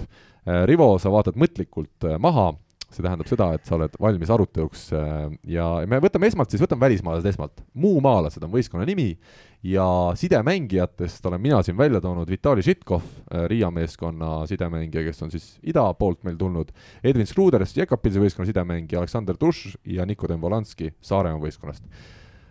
keeruline, mina isegi hooaja esimese poole põhjal paneks isegi Vitali Žitkovi, kuna ta on justkui sidemängija on olnud päris korralik ja samas ka servijoone taga olnud Riia meeskonna vaieldamatu liider, kuigi noh, Aleksander Tuši oleks samas nagu ka imelik mitte valida. jah, seesama Smits äh, mängis seal Jekapil siis või? jah, oli ka maru top skoorer, meie arust üle kaheksa ei tulnud selles suhtes, natukene suhteline mõiste, ma ei ole isegi näinud seda Žitkovi meest nii-öelda, kui kõva mees ta tegelikult see on, et asjad nagu sõltuvad suht palju seal Lätis omavahel toksides no,, nii mõnigi mees võib päris äge välja näha, aga ma arvan, et Eesti klubide tase on selles mõttes ikkagi kõrgem, et äh, Saaremaa, Tartu, ka meie Pärnu, ma arvan, et nendes mängudes tahaks, tahaks nagu võtta Läti mängijad nendest mängudest ka eraldi välja ja siis otsustada, kes, kes kui lahe mees on aga valiku me tegema peame, kes meil põhikoosseisu läheks, Žitkov, Tuš, mida me siis otsustame? Rivo, mis sa arvad? Sa muidugi see Žitkovit vist täna kuuled esimest korda, aga äh,. ei, ma, ma kusjuures ma arvasin, et ta on lätlane. ta ei ole, ma arvasin, Ukrainast on noh, ta on Ukrainast jah. jah. ma arvasin algul, et ta on lätlane. ta on isegi Ukraina koondise selles listis oli siin suvel. laagris. Äh, ütleme nii, et Duši see nüüd Tuši on poole, ära poole, poolest hooajast teine pool on olnud ikka väga halb, et äh, jah, ma ei oskagi nagu kohe midagi öelda. Andres, ütle sina, sa vana sidehunt. Jah, teeme nii, et sina, sina otsustad, sa oled miks sidemängija, jätkuvalt. praegu on null-null seis. Ehm, Me nojah, kui ega ongi ongi keeruline sellega just, et äh, kui Duš alguses oleks ta suht kindlalt seal siin oleks esinumber olnud ja, ja läinud põhis sisse, onju. samas jah, need mängud, mis ma näinud olen, mis Šitkov, noh, on näha, et tal nagu klassi on ja, ja ta on ise siuke üliagressiivne, et nagu äge on vaadata. Aga äh, selle Scrudersi kohta ma ütlen niimoodi, et minu jaoks on ta pigem teinud sammu tagasi. kui eelmine aasta mul tundus, et ta on nagu siuke päris hea, siis see aasta tal on nagu, see mäng on nii läbinähtav ja kuidagi tegi jube palju vigu ka ja ja see aasta on selgelt, et teine sidemängija on käinud päris palju sees, et ma tema lükkaks kohe nagu selles mõttes sealt välja. üle aia. et ähm, noh, Volanski saaks vahetusest jälle seal plokki minna tegema ja aga, aga ma arvan ikkagi, et äh, Duš oleks võib-olla vähe ki- kindlam nii, variant. Tuš siis põhisideks ja Žitkov läheb meil varusse. olete nõus selle no valikuga? lähme nii jah, sõidame niimoodi. kuigi kaks siukest lühikest sidet, suht Mm. võib-olla sarnased ka, et võib-olla ei oleks kõige parem valik, aga no las ta jääda nii. no ütleme taseme poolest ikkagi nemad kaks siis, või ütleme hooaja esimese poole esituste põhjal ole, on noh, on ära teeninud selle koha no,. Või jah. Rene, oota ja, Rene ja. ei ole midagi, lähme edasi. Lähme edasi, vabandust, vabandust, Rene, natukene kiirustame, ma ütlen lihtsalt, Elvari meestel on praegusest täpselt kahe tunni ja kuue minuti pärast õhtune treening ootamas ja ja eks äh, siin ei saa nagu aega väga palju kulutada. nurgaründajad olen mina pannud valikusse Kristaps Schmitz, Jekapils, tema on siis hetkel kõige suurem punktitoe, Grade kakskümmend neli meistriga sada kuuskümmend kolm punkti, rünnakuprotsent nelikümmend kolm, Aleksander Avdejevs, pikakasvuline Läti koondise mees, aga tundub, et temal nagu need paremad päevad, neid polegi tulnud ja ja ei tea, kas tulevadki ei nagu on ju kunagi räägiti, kui ta Pärnusse tuli, et jube andekas vend. vaata- täna ei ole enam vist profivõrkpallur. ta ei ole jah, ta on, teeb töö kõrvalt ja selles mõttes, et ta on ikkagi, kuidas ma ütlen, selle võistkonna nagu mootor, kui tema mängib hästi, siis mängib võistkond hästi, kui. Just. tema mängib kehvasti, siis see võistkond on Mhm. null kolm. ja tema pealt on väga hästi näha ka see, et ta teeb seda töö kõrvalt, et ta on see mees ju, kes väsib nagu jaa, jubedalt jaa. ta pärast soojendust on vahel juba näitab vahetust. põhimõtteliselt jah. ühesõnaga, tema on meie teine mees, Evandro Dias Sousa Saaremaalt, siis äh, kolmas mees rünnakuprotsendi olen ka märkinud siin tema puhul üles, nelikümmend üheksa ikkagi Grade kakskümmend neli meistriliigas ja Atvar Soosolins, Pärnu mees, kes on siis hooaega alustas suurepäraselt, Läti koondises mängis suurepäraselt, aga siis vahepeal tuli ärakukkumine. mis me nüüd valikuks võtame, Schmitz, Avdejev, Sousa, Ozolinš, võite ka juurde kedagi lisada, aga mulle tundub, et siin väga nagu vennad Abolinšid on ka toredad, aga nad võivad publikusse tulla, kui lubatakse publikut. mina paneks ikkagi Schmitzi puhtalt seepärast sisse, et ta on äh, liiga resultatiivsem mängija, kuigi nagu Rene Mina- ütles, teatud võistkondade vastu ta ei suuda maha lüüa palle. mina võtaks selle, vaataks nüüd sinna Soosa kõrvale mingi mehe, kes suudab vastuvõttu hoida korralikult. no Pigem. vaatame. See osa- kas siin nimekirjas on mõni selline mees? Soosa, ma ei tea, kus see osaline on seal oma vastuvõtuga. Ei eriti midagi. Osolins ei, ka see vast-, seda ei saa vastutaks nimetada isegi, mida ta. ei, nii, aga mis me siis teeme? võtame veel ikkagi Abolinš kas tuleb. Smits võttis vastu või? no ta vähemalt ei, võib-olla ei hakka põdema, kui ei tule. siis ma võib-olla isegi paneks lätlaste tuua ka ausalt Nii. öeldes. Sousa, aa, ma usun võib-olla isegi sellesse Mitte Osalinsi Sousa, Schmitz. rohkem kui sellesse Sousasse. seal rohkem, ma arvan, potentsiaali, sest ta on ikkagi noor mees ka veel. oota, ütle nüüd oma valik. Smits ja, ja Osalins. aga Sousa, varusse, no kolmas. okei okay.. ühesõnaga, Ozolin Schmitz, kas me oleme kõik sellega nõus või? ei no kõik ei pea nõus olema, ei no ei, me peame siin valiku tegema lihtsalt, jah. kolmekesi nad on no täpselt rot- roteeruv sellega punt. ongi see, et no Osolin selle näitas, et on noh, selles mõttes laps alles, et no sai oma parisemisest üle ja nägime ju kõik, kes, kuidas ta mängis, et seal lõpus jälle selle Mhm, Saaremaa vastu, et noh, seal on sisu, noh. Et ongi, et see Sousa samamoodi noh, ma ei tea, rasked perioodid või mida iganes onju, aga, aga alguses noh, oligi näha, et mees nagu on võimeline, aga samas Mhm. teised läksid paremaks ja ja siis oli rasketel aegadel nagu ei olnud, et ähm, oi-oi-oi, mina paneks Sousa sisse ja uhuhuu, no teist ma ei oskagi. no Rivo, jätame sulle võimaluse. no ole sina, ole täna siis see nurgaründaja, kes valib nüüd nurgaründajad, et ma valin tempomehed ja, ja Rene paneb siis diagonaalid paika, et No siis meil on kõik jah. olemas. No aga samas ütles ju Andres meile kuldsed sõnad, et kui Avdejevsit ei ole Riial, siis on see mäng hoopis teistsugune, aga me räägime hooaja esimese poole õnnestumisest, Avdejevsi rünnakuprotsent nelikümmend üheksa, päris korralik tegelikult, ma va- vastuvõttu ei vaadanud ausalt öeldes, aga aga jube, jube raske. no mina panen Sousa ja Schmitz. Läheb nii ja varusse siis jäävad meil ülejäänud mehed. nii, läheme edasi ja nüüd tuleb siis diagonaalründaja positsioon Kristaps Plataks Pärnu võistkonnas ja Katis Karklavs Riias, ma ei osanudki siin kedagi juurde panna, sest meil on Eestis on kõik diagonaalid. kes Katis Karklavs. ja kes veel oli? Kristaps Plataks on üks mees, kes mängib Pärnus õigus, aga noh teda ei pruugi märg-, märgata väga, sest tal on vasakukäeline. jah, näiteks, näiteks seepärast. ei no aga Plataks ilmselgelt jah, jah, sest siin ei ole varianti. Katis Karklavs on ka, ütleme, teeb töö kõrvalt, nii nagu meil on kombeks öelda, et teeb töö kõrvalt. Nii et siit läheb siis Plataksile, igal juhul siin ei ole mingit küsimust, jah. no kindlasti. jah, muidugi meil, vaata, Rivo, me eelmine aasta vahetasime ka mingeid positsioone, et me võime tuua näiteks Avdejevsi diagonaali mängima. las ta olla seal, kus ta on praegu. tööl. tööl IT kuskil. kuule, aga Renars Pauls Jansons, kes on meil Läti koondises suur tulevikumees, kaheksateist-aastane mängumees, me, me ei, mina ei tea ausalt öeldes, kas ta on nüüd äh, ametlikult diagonaalründaja, temporündaja, ta on ka nurgas mänginud, et äh, kas me tema paneks, me võime tema panna diagonaali hoopis ju, ta teiseks diagonaaliks võid panna ta. teiseks diagonaaliks, mina paneks isegi ei. ei, esimeseks ei pane tule natuke lähemale, Andres, Andres. esimeseks, jah, vara veel. et jah, esimeseks ei paneks, aga hea vahetus oleks küll. aga see on vist potentsiaalne mees jah, tasub jälgida. jaa, see on vägev, noh, kui nüüd muud asjad järgi tuleksid, et äh, seda võimsust on kõvasti noorel mehel ja, ja, ja kui ta need käed üle paneb sealt ja no ta paneb hästi üle, et tempona on teda näha, et kui ta ikka sinna nurka jõuab ja, ja noh, ta hüppab kõvasti, siis, siis need käed lähevad megalt üle ka. väga hea, sellega on meil diagonaalründaja positsioon äh, lahendatud, lähme temporündajate hulka, ma arvan, et siin me paneme kohe Tom Schwanzi ikkagi kirja.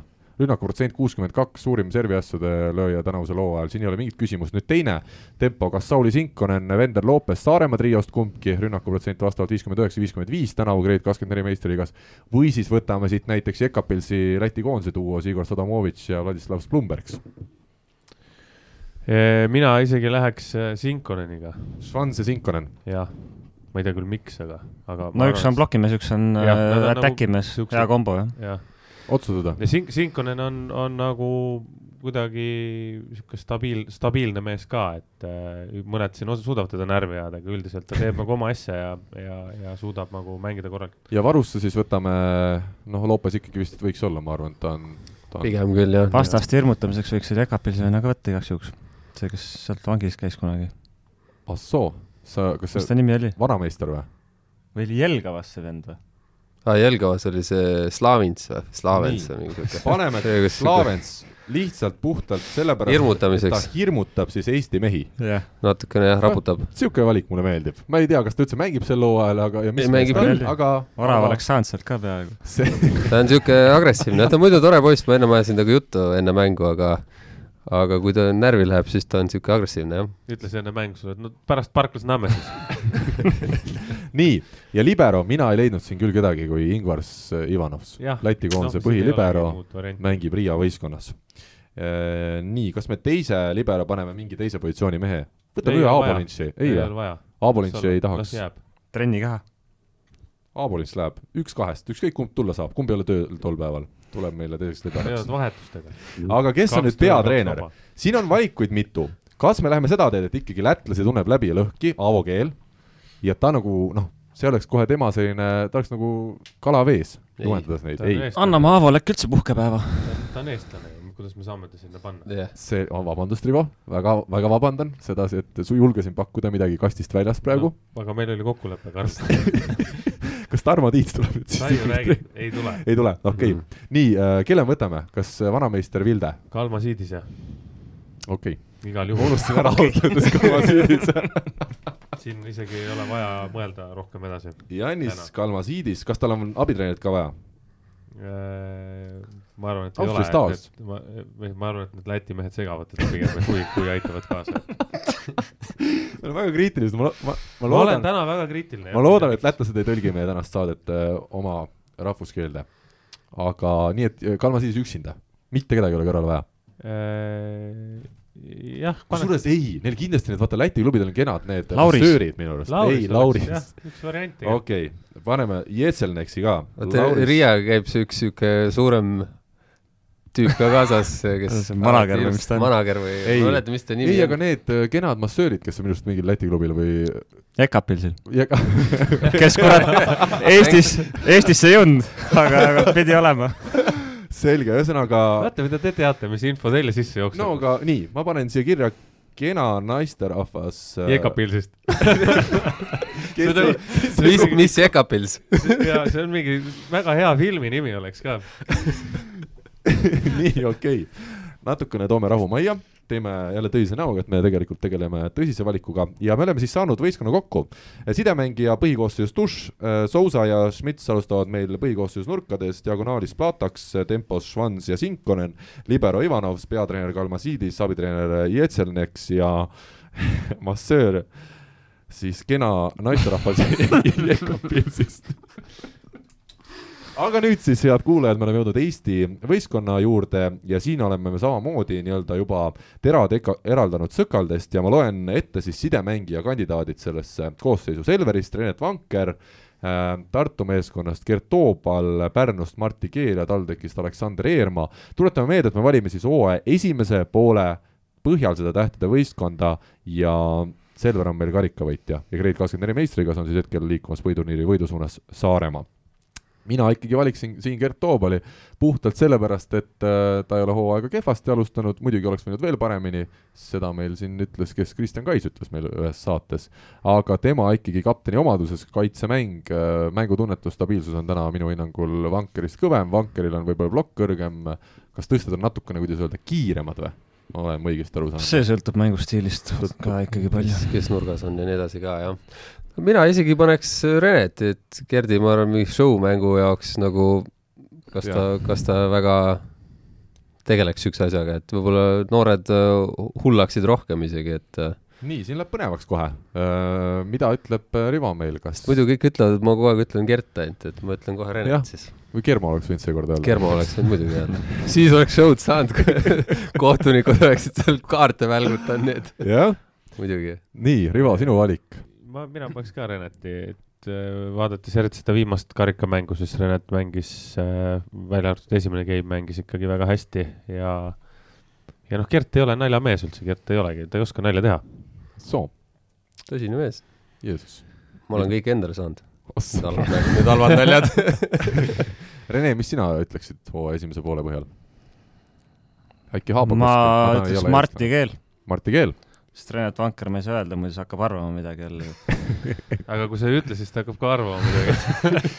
las arvab niipidi pigem. raskes olukorras. nii, ühesõnaga meil läheb siis, ei no Marti Keel äh, on meil no Aga- paraku teine, siis ta häälte enamus võidab, onju. Mm, nii, et läheb siis Vanker, ma saan aru, meil tuli kaks esikoha häält äh, Vankerile ja teine on ikkagi, ma ütlen Toobal.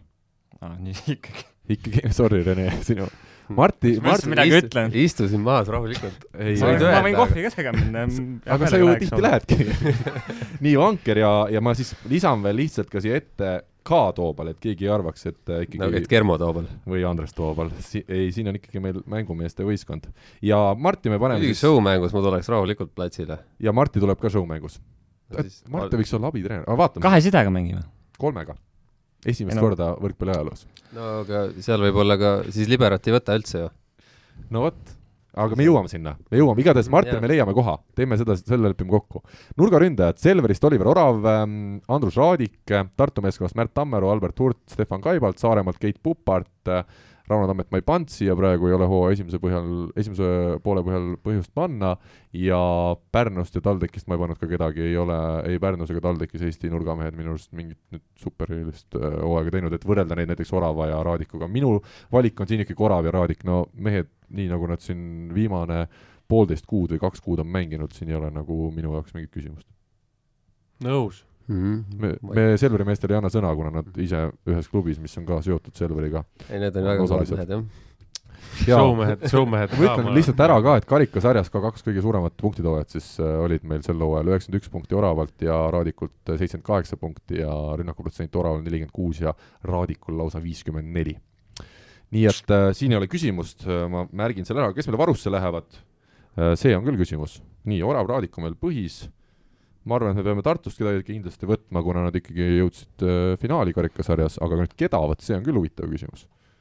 ja kas me Puparti võtame neljandaks ikkagi Saaremaa, Saaremaa kui sa võtad äh, ründava nurga Tartus, siis Pupi peab sees olema, jah? kui me Nii. nüüd reaalselt paneme punti. Pupart ja ja siis sa võtad Hurda. Hurt, Hurt, selge. ma ei hakka, ma ei hakka seda kommenteerima ega siin muutma, sest ma olen juba ilmselt niigi liiga palju siin sõna võtnud selle valiku tegemisel, olles ise ikkagi väga kaugel sellest. sul on täna isegi läinud täppi mingid asjad. Mm, ma tänan sind. vaata, me oleme kaks aastat seda saadet teinud ja nüüd esimene täppiminek. Läheme edasi diagonaalründaja kohaga ja valikuid on meil siin Selverist on üks, üks mees, tuleb sul ta nimi meelde, Rivo, kohe sedasi? Nuut, Nuut, jah. Nuut, Mihkel Nuut, jah, jäi napilt välja, aga Rene Tepp on viiskümmend protsenti rünnak siis liigas, mis on diagonaalründajatest äh, kõige kõvem hetkel Tart-, jaa, kahest üks. jah, siis meil on äh, Tartu meeskonnast Siim Põlluaar, kes karikafinaalis tõusis äh, esile, Saaremaa võistkonnast on meil nii Hindrek Pulk kui ka Markus Uuskari siin ja TalTechist Valentin Kordas. ma nüüd räägin vaikselt kuidagi, Rivo, et me ei, liiga palju ei kiidaks siin kedagi, aga mina, minu valik läks sellele Selveri mehele, kes ei ole Nuut. Äh, jah, minu ka. ma, ma, ma, see, mis ma saatsin teile eelmine kord, minu arust oli ka, oli, Rene oli esimene valik, on ju. vist oli, vist oli, seda ma saan üle vaadata varsti, aga mitte hetkel. Tepp on siis põhi ja kes me, kas Valentin Kordas, kui ta oleks täna näiteks Tartu meeskonna diagonaalründaja, kas ta mängiks äh, Põlluääre üle või? ei usu. ütleme, okei okay,, Põllukal on, ma, ikkagi arvan, et Põllukas teeb teise hooaja poole nagu parem, aga, aga ma arvan, et Põllukal on seda nuppu rohkem ja taju ja teadmisi võrkpalli osas rohkem. minu jaoks ongi see ka, et vaata, mis treeniks, ma arvan, tõenäoliselt ju oleks jõudnud selleni ka, et äh, kui panna nagu kordas mängima päris nagu raamidesse, et, et mida ta teha tohib ja mida ei tohi mm., et äh, ma ei, ma ei kujuta ette, mis ta siis tegema mingi süsteemiga mängima on ju, ühesõnaga Mhm., et kuidas Jah. mängid Mhm. võistkonda, sina pead Mhm. tegema neid elemente, et ei ole nagu see, et sul on nagu luba teha kõik, kõik. kõike teha, et sa võid riskida ja, ja, ja panna kogu aeg nagu et täna ükskõik, veel on- minna ikkagi omajagu nende Eesti paremate diagonaalidega. jaa, et selliseid asju, kui, kui ikka hakkab vigu tulema, siis need vead peaksid mingi hetk ära lõppema, et Mm. olema nagu kasulik, muud moodi kasulikke asju, siis, no aga palju see sõltub mees, meeskonnast ikkagi, TalTech on täna Eesti siis viies klubi, et, et kas seal ju ka abi tuleb vähem kui teistel klubidel tema suunas. ei kindlasti, aga noh, vaata ongi praegult on nagu, mis Nuut on ka, algus oli, ongi raske, selles mõttes, et kui, kui ta eelmised aastad sai nagu hästi palju, ei olnud väga hullu, kui ta tegi hästi palju vigu, aga siin nagu see, sellel nagu, seda ei to-, tolereeri enam keegi, et, et see kindlasti hakkaks seal selle mehega pihta täiesti abc-st, et mingisugused äh, pealeminekud ja ta on nii täna edasi. nurgaründaja, noh, ta on siiamaani nurgaründaja, ta teeb äh, asju, mis on nurgaründaja rünnakud, et ta ei aga ole, aga kiitust ta väärib, ma lihtsalt tahtsin ei no ta on, ta on hästi hakkama saanud, et ta et visa, visati vette siukses kohas, kus ja ta on tegelikult väga hästi noh, on nagu teinud hästi, ja, ja ta on ikka väga paljudel klubidel ju meie vastu ja mm, Mhm. ja, ja Tartu vastu ikka väga palju pahandust teinud. lihtsalt võib-olla kui, kui taseme mõttes mõelda, siis võib-olla nurgaründaja positsioon oleks ikkagi see, kus tal oleks nagu kõvem samm edasi teha. ja potentsiaali ka kindlasti rohkem. Kindlasti. mina panen ikkagi, paneksin pulga teiseks diagonaaliks, no imelik oleks öelda välja, et ta ikkagi hooaega alustas väga-väga hästi ja mängis mitu kuud väga hästi, nüüd öö, lõpp on olnud raskem, aga kogu Saaremaal on see raskem olnud. jah, pulk oma temperamendiga sobib hästi tähtede mängu. nii, aga jaa, ei, mina paneks ka pulga, jah. ei no aga iga akadeemik, iga akadeemik võib peab ka olema tähtede mängul. selles mõttes oleks see ko- Kordas seal äge muidugi. Kordas oleks äge, jah, see paneks ikka mingit hullu seal. see möllaks jah, Mm -hmm. ta nagu möllakski konkreetselt Ei,. no- Kordas sobiks tähtede mängule ka väga hästi. aga teeme siis vaheshow. Nõmsalu versus Kordas. lakkelöömise show. ahah, siis on, keda veel vaja on siis? seal ongi kaks äh, TTÜ meest, Sass ja Kordas. Sirelpuu ja Kordasega rohkem. Meius pidi ka tulema, vana Meius pidi pidi rusikaga tulema lööma. nii, aga te olete nõus, et pulk läheb ikkagi teisena? ma arvan, et see on üldist hooaja esimest poolt hinnates nagu õige valik. imelik oleks pulk nagu välja jätta. minu poolt kindel jaa. temporündajad võtame ette, ma lihtsalt ütlen, natuke kehvaks läheb see, et meil on praegu põhikoosseisus äh, neljast mehest on neli Selverist. nüüd tuleks Rimi ja Prisma ka tuua mängu, aga nad ei ole võistkonda taaskord välja pannud äh,. temporündajad siis Selverist, kas Mihkel Varblane ja Mark Saru, Tartust on meil valikus Alex Saaremaa ja Kevin Soo. Soo on muide enim plokipunkte, kakskümmend üheksa toonud tänavusel hooajal äh, liigas. ei imesta. siis meil on Pärnust äh, Harri Palmar, TalTechist Jörgen Vanamõisa ja Sten Berillus uh,. Uh-huu, soo paneks kindlasti Soo juba oleks minu- minu poolt jah üks peapaelaga ikka võiks olla juba. peab olema, aga, aga on siis tõesti Soo täna jätkuvalt nii hea või? näiteks, et Alex Saaremaa asemel, kas tema Saar...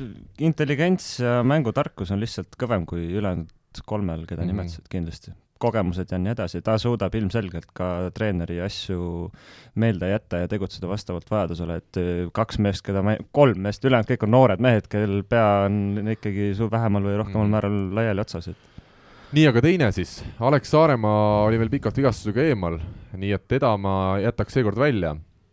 Aga noh, kas me anname siit äh, natuke avansi korras siis TalTechist võtame ühe mehe, sest nad on selline tubli plokivõistkond või? Aga, aga miks avansi korras, minu arust need kaks äh, tempomängijat on mänginud täitsa korralikult, et äh, no ma mõtlen, et meeskond ei ole nagu karikafinaalis näiteks ei mänginud edasi, et võib öelda, et kui nad karikafinaali ei ole jõudnud, et siis kas põhikoosseis on asja, aga mina siit Vanamõisa näiteks võiks välja valida küll. jah, samamoodi, ei no mis, sest et äh, kaks peapaelaga meest on väljakul. oi-oi-oi, ei ole, nad on vaata üks vahetab teist ju, või tähendab, selles suhtes üks on tagaliinis, siis on vahepeal on ikka korraks. korraks on, aga Vanamõisa asemele paneme kedagi teist servima, siis ei ole. aga selle, selle teema puhul äh, tuleb ikkagi ka vaadata, kes kellel ümber ka on jälle, et Just. kuidas nagu võtta, et ühesõnaga ja, ma ütlen ka kohe, et ma arvan, kui seal võib-olla oleks keegi teine, tõstaks äh, soole neid palle ette, võib-olla ei oleks midagi võib-olla nii head mm, Mhm. -hmm. et äh, ja kui, kui panna Mark Saru või Varblane teise võistkonda, siis võiks, võiks see situatsioon olla sama, et mm -hmm. Mm, panna nad Pärnusse TTÜ-sse, et see, see, see ei pruugiks olla üldse sellise, sellise näoga mängija, nagu nad praegu on või nemad. aga Varblane Aru ei ole halvasti mänginud ja kui me siin hooaja kokkuvõtteid teeme lõpuks kevadel, siis miks mitte ei võiks nemad seal kas või mõlemad olla sees, et see jube tihe on see konkurents. sinna sa varu ei pane, jah? paneme ikka, paneme ikka panemegi siis, kas, kumb nüüd Selveri meestest parem on olnud, minul on raske hinnata seda oh,. Harri Palmari sinna varusse üldse. paneme Harri, lihtsalt, siin ma ei hakka isegi küsima põhjust, kui Rivo äge ütleb, vend. Harri on Jah. olemas, Harri on äge vend tõesti. ja mis me siis Selveri meestest, Varblane või Aru, kumb meil läheb? no rääkige ise, kuidas on. kumb on tegelikult parem uh,? Uh, uh. siin on pikk paus. Varblane pidas äh, jõulupeol kauem vastu. ma paneks tema, mina puhtalt enda nagu kas me oleme selle argumendiga nõus? see on ka oluline tegelikult. Aga Aru on nii noor, et ma arvan, et tal oli kojuminek aeg juba õigel ajal. nii, mis läheb, Andres ütleb. mina ei sa oled ju ütle- treener, sa ju tead neid no asju. pane siis emotsiooni mõttes lihtsalt, kui on siuke tähtede mängu, siis noh, sa said juba aru. juba sain aru, Aru on kirjas meil siin. nii, said aru? sain aru. ja libero positsioonil siis on meil väga-väga põnev siin kohe ja ma loodan, Alar Rikberg praegu kuulab meid, tervitame teda ja vaatame siis, kes sa ei meil. tohi rääkida midagi kaitsemängust ega vastuvõtust. mina, ma olen nurgamees ju, no jaa, aga, aga... seda küll, ma olen ründav nurk. no ütleme siis nii. Selverist on meil Deniss Losnikov, Tartust Rait Rikberg, Saaremaalt Johan Vahter ja Alari Saar, Pärnust Silver Maar ja TalTechist Kris-Karlis Lepp. Maari mina jätaks kohe välja, Pärnu meeskond ei ole minu hinnangul soo alguses nii hästi esinenud ja Maar ka mitte, et, et teda siia peaks panema. siin ei ole, mis latart, siin ei ole küsimust, siin Deniss Losnikov on kõige parem nendest praegu ja that's it. siin ei ole mitte mingit varianti. siin ei ole nagu, mille, mille üle me vaidleme sa. saad Tartusse sissesõidukeelu varsti ei. no mis, ma võin saada sinna igasuguseid sissesõidukeelde, aga täna on Vaata Deniss numbreid lihtsalt on nagu kõige parem nendest. Jah, mängis küll jah. vähe enne Ei, ma olen nõus, jah. aga, aga Mhm. ta oli nendest liberatest, kes täna on väljakul olnud, ta oli kõige silmapaistvam minu jaoks. mm. -hmm. võib-olla ma oma peas olen mõelnud midagi välja, aga ja teiseks ma paneks äh, Lepa kaitsemängu. paneme Lepa. jah, kusjuures jah, Kris-Karis Lepp saab võistkonda nii et äh, ahahaa, jah, ma mõtlen lihtsalt jah, et kui järgmine kord Tartusse või Saaremaale lähen, et mis ma neile ütlen, mis ma, mis ma neile viin, et nad nagu mind ikkagi võtaks veel inimesena vastu. Sina ei ole seda otsust teinud, Karl, sa võid alati öelda, et siin on teised mehed. mina ei tea, mina ei tea midagi. ja okei okay,, siis meil lähevad liberatena Losnikov ja Lepp siia kirja ja peatreenerit on nüüd vaja ka valida. Rainer Vassiljev Selverist, Alar Rikberg Tartust, Aavo Keel Pärnust ja Janis Sirelpuu TalTechist. Äh, Argo Arak, okei esiliigast. okay., nii, mida me valime, küsime siis järelikult, sa oled hakanud, mille põhjal on sul siin mingi argument? see on showmäng, see on showmäng. seda küll. ma panen Argo siia kirja, pane igaks ma juhuks. panen, ma jätan väikse tühiku siia ja ma panen Argo natukene eemale, et kui me ikkagi midagi leiame keegi äkki veel. no samas karikavõitja peatreener, kas ikkagi peaks olema siin sees või? Mr Rainer. ma asja nii palju pildis ei pannud, pigem ma isiklikult äh, tahaks äh, Sirelpuud näha, ma tahaks näha, mis seal äh, pingi peal toimub time-out'ide ajal. Ma pole temaga kokku puutunud. Sass ja Akse oleks hea punt muidugi seal. Sirelpuu ja Arak kahekesi. ohohoo, no nii. las otsustavad ise ära omavahel, kumb on kumb. jaa, ise otsustavad, Arak ja Sirelpuu. nüüd on, nüüd on küll selge, see on väga head ka põhjendused mõlema puhul. nii et me oleme leidnud siis kaks hooaja esimese poolega paremat treenerit. Ja tundub, et meil on need võistkonnad koos, kui me nüüd vaatame otse nendele meeskondadele, ma loen siis veel Eesti võistkonna üle ka, põhikoosseisus Vanker, Orav, Raadik, Teppan, Soo, Vanamõisa, Losnikov ja peatreener siis Sirelpuu Arak tuua Äh, ega siin vist küsimust ei ole, kuna me oleme eestlased, siis me ütleme, et Eesti võistkond kindlasti võidaks, sest Tuš, Sousas, Smits, Plataks, Vans, Sinkonen, Ivanovs ja Kalmasiidis lihtsalt äh, ei saaks vastu. Seda need, need, see on jälle see koht, kus oleks väga äge, äge nagu näha seda mängu, konkreetset mängu. ja teine võib-olla üleskutse siin mingitele numbriinimestele, et et lööge kokku, pange mingisugusesse kuskile tabelisse ja, ja vaadake, et mis võistkond parem on. aga kes siis seda õhtut nagu juhiks tähtede mänguna, see kas, mina pakuks välja kohe Kait Kall ja Eva Esse. et kas, teine võimalus, teine tulemine. Või Rivo, sa võtaks ise või? kõik on, väärivad teist võimalust, ma ei oska kommenteerida, sest ma ei ma vaadanud. mõtlesin, et sa tahtsid sellele viidata, et, et kas ma sobin või? ei, kuidas ma sellele tahtsin viidata. äkki Rivo ja Kristjan võiksid võtta üle selle, ei, me, me läheme lõpupoole tülli, sa tead seda. tüdinete ära. meil algul hirmsat moodi latrame, aga siis mingi peale teist game'i on vaikus. aga vaikus enne tormi. ühesõnaga, meil vaheshow'le me ei keskendu. servilöömise kiirus meil tuleb kindlasti. aga füsiot ei pannud kirja. Füüsio, jah. Et kas meil on ka Eestis siuke, et mingist linnast keegi või? Habemega mees Saaremaalt. Kardo Maruste. jaa. meil on omamoodi, see on teistmoodi elu. jaa. ega naistel peab ka ilu olema, ega siis mä- mängu ainult mehed ei ole, tule vaatama ju. me toome naised ka ikka saali. loomulikult. ja Kardo Maruste, tervitame siinkohal, ta üldiselt kusjuures kuulab saadet siis, kui ta Alari Saarega on äh, nädala keskel massaažilaual, tähendab, kui Alari Saar on tema on massaažilaual. Siis nad panevad käima saate, nii et me tervitame, loodan, et seekord ka just sel hetkel, kui nad praegu meid kuulavad, on nad seal koos ja, ja naudivad siis seda, et, et vähemalt üks kahest sai. Kardo Maruste, ma ei, ma ei tea, miks Andres naerab, ma ei tea, miks Rivo naerab, aga igatahes meil on võistkond koos. törts, törts kauem läks aega. Andres on vähe teravam siin. Ma magasin ka täna pikalt, mulle meeldib see meelelahutuslik äh, võistkond, mis me oleme nüüd kokku saanud ja, ja see duell ja see tähtede mäng ja see tähtede mäng toimub. ma uurisin Ruhnul, seal ei ole spordisaali, kus seda pidada. ehitatakse. Ruhnu toom, kuusteist tuhat pealtvaatajat mahub sinna. lennujaama asemel tuleb. selge, kas me, kus me korraldame selle ikkagi? siin on kaks varianti on Eestis, tegelikult võiks selle teha. linnahallis. vabaõhu teema suvel kuskil väljas, seda nagu seal Maracanal mängiti Mm. võrkpalli kunagi saja tuhande pealtvaataja eest. nii, ja mis koha me pakume välja siis, Raadi lennuväli või Lauluväljak? jah, üks kahest. lauluväljak oleks tegelikult, vaata sinna mahuks hästi palju inimesi ja värki ja. Mhm. okei, selge. nii et äh,, nii et meil on kõik paigas. ma arvan, et läheme edasi saatega ja võtame ette siis järgmise teema. jaa, meil siin metsas teavad kõik, et kõik see parem on ikka Eestimaal.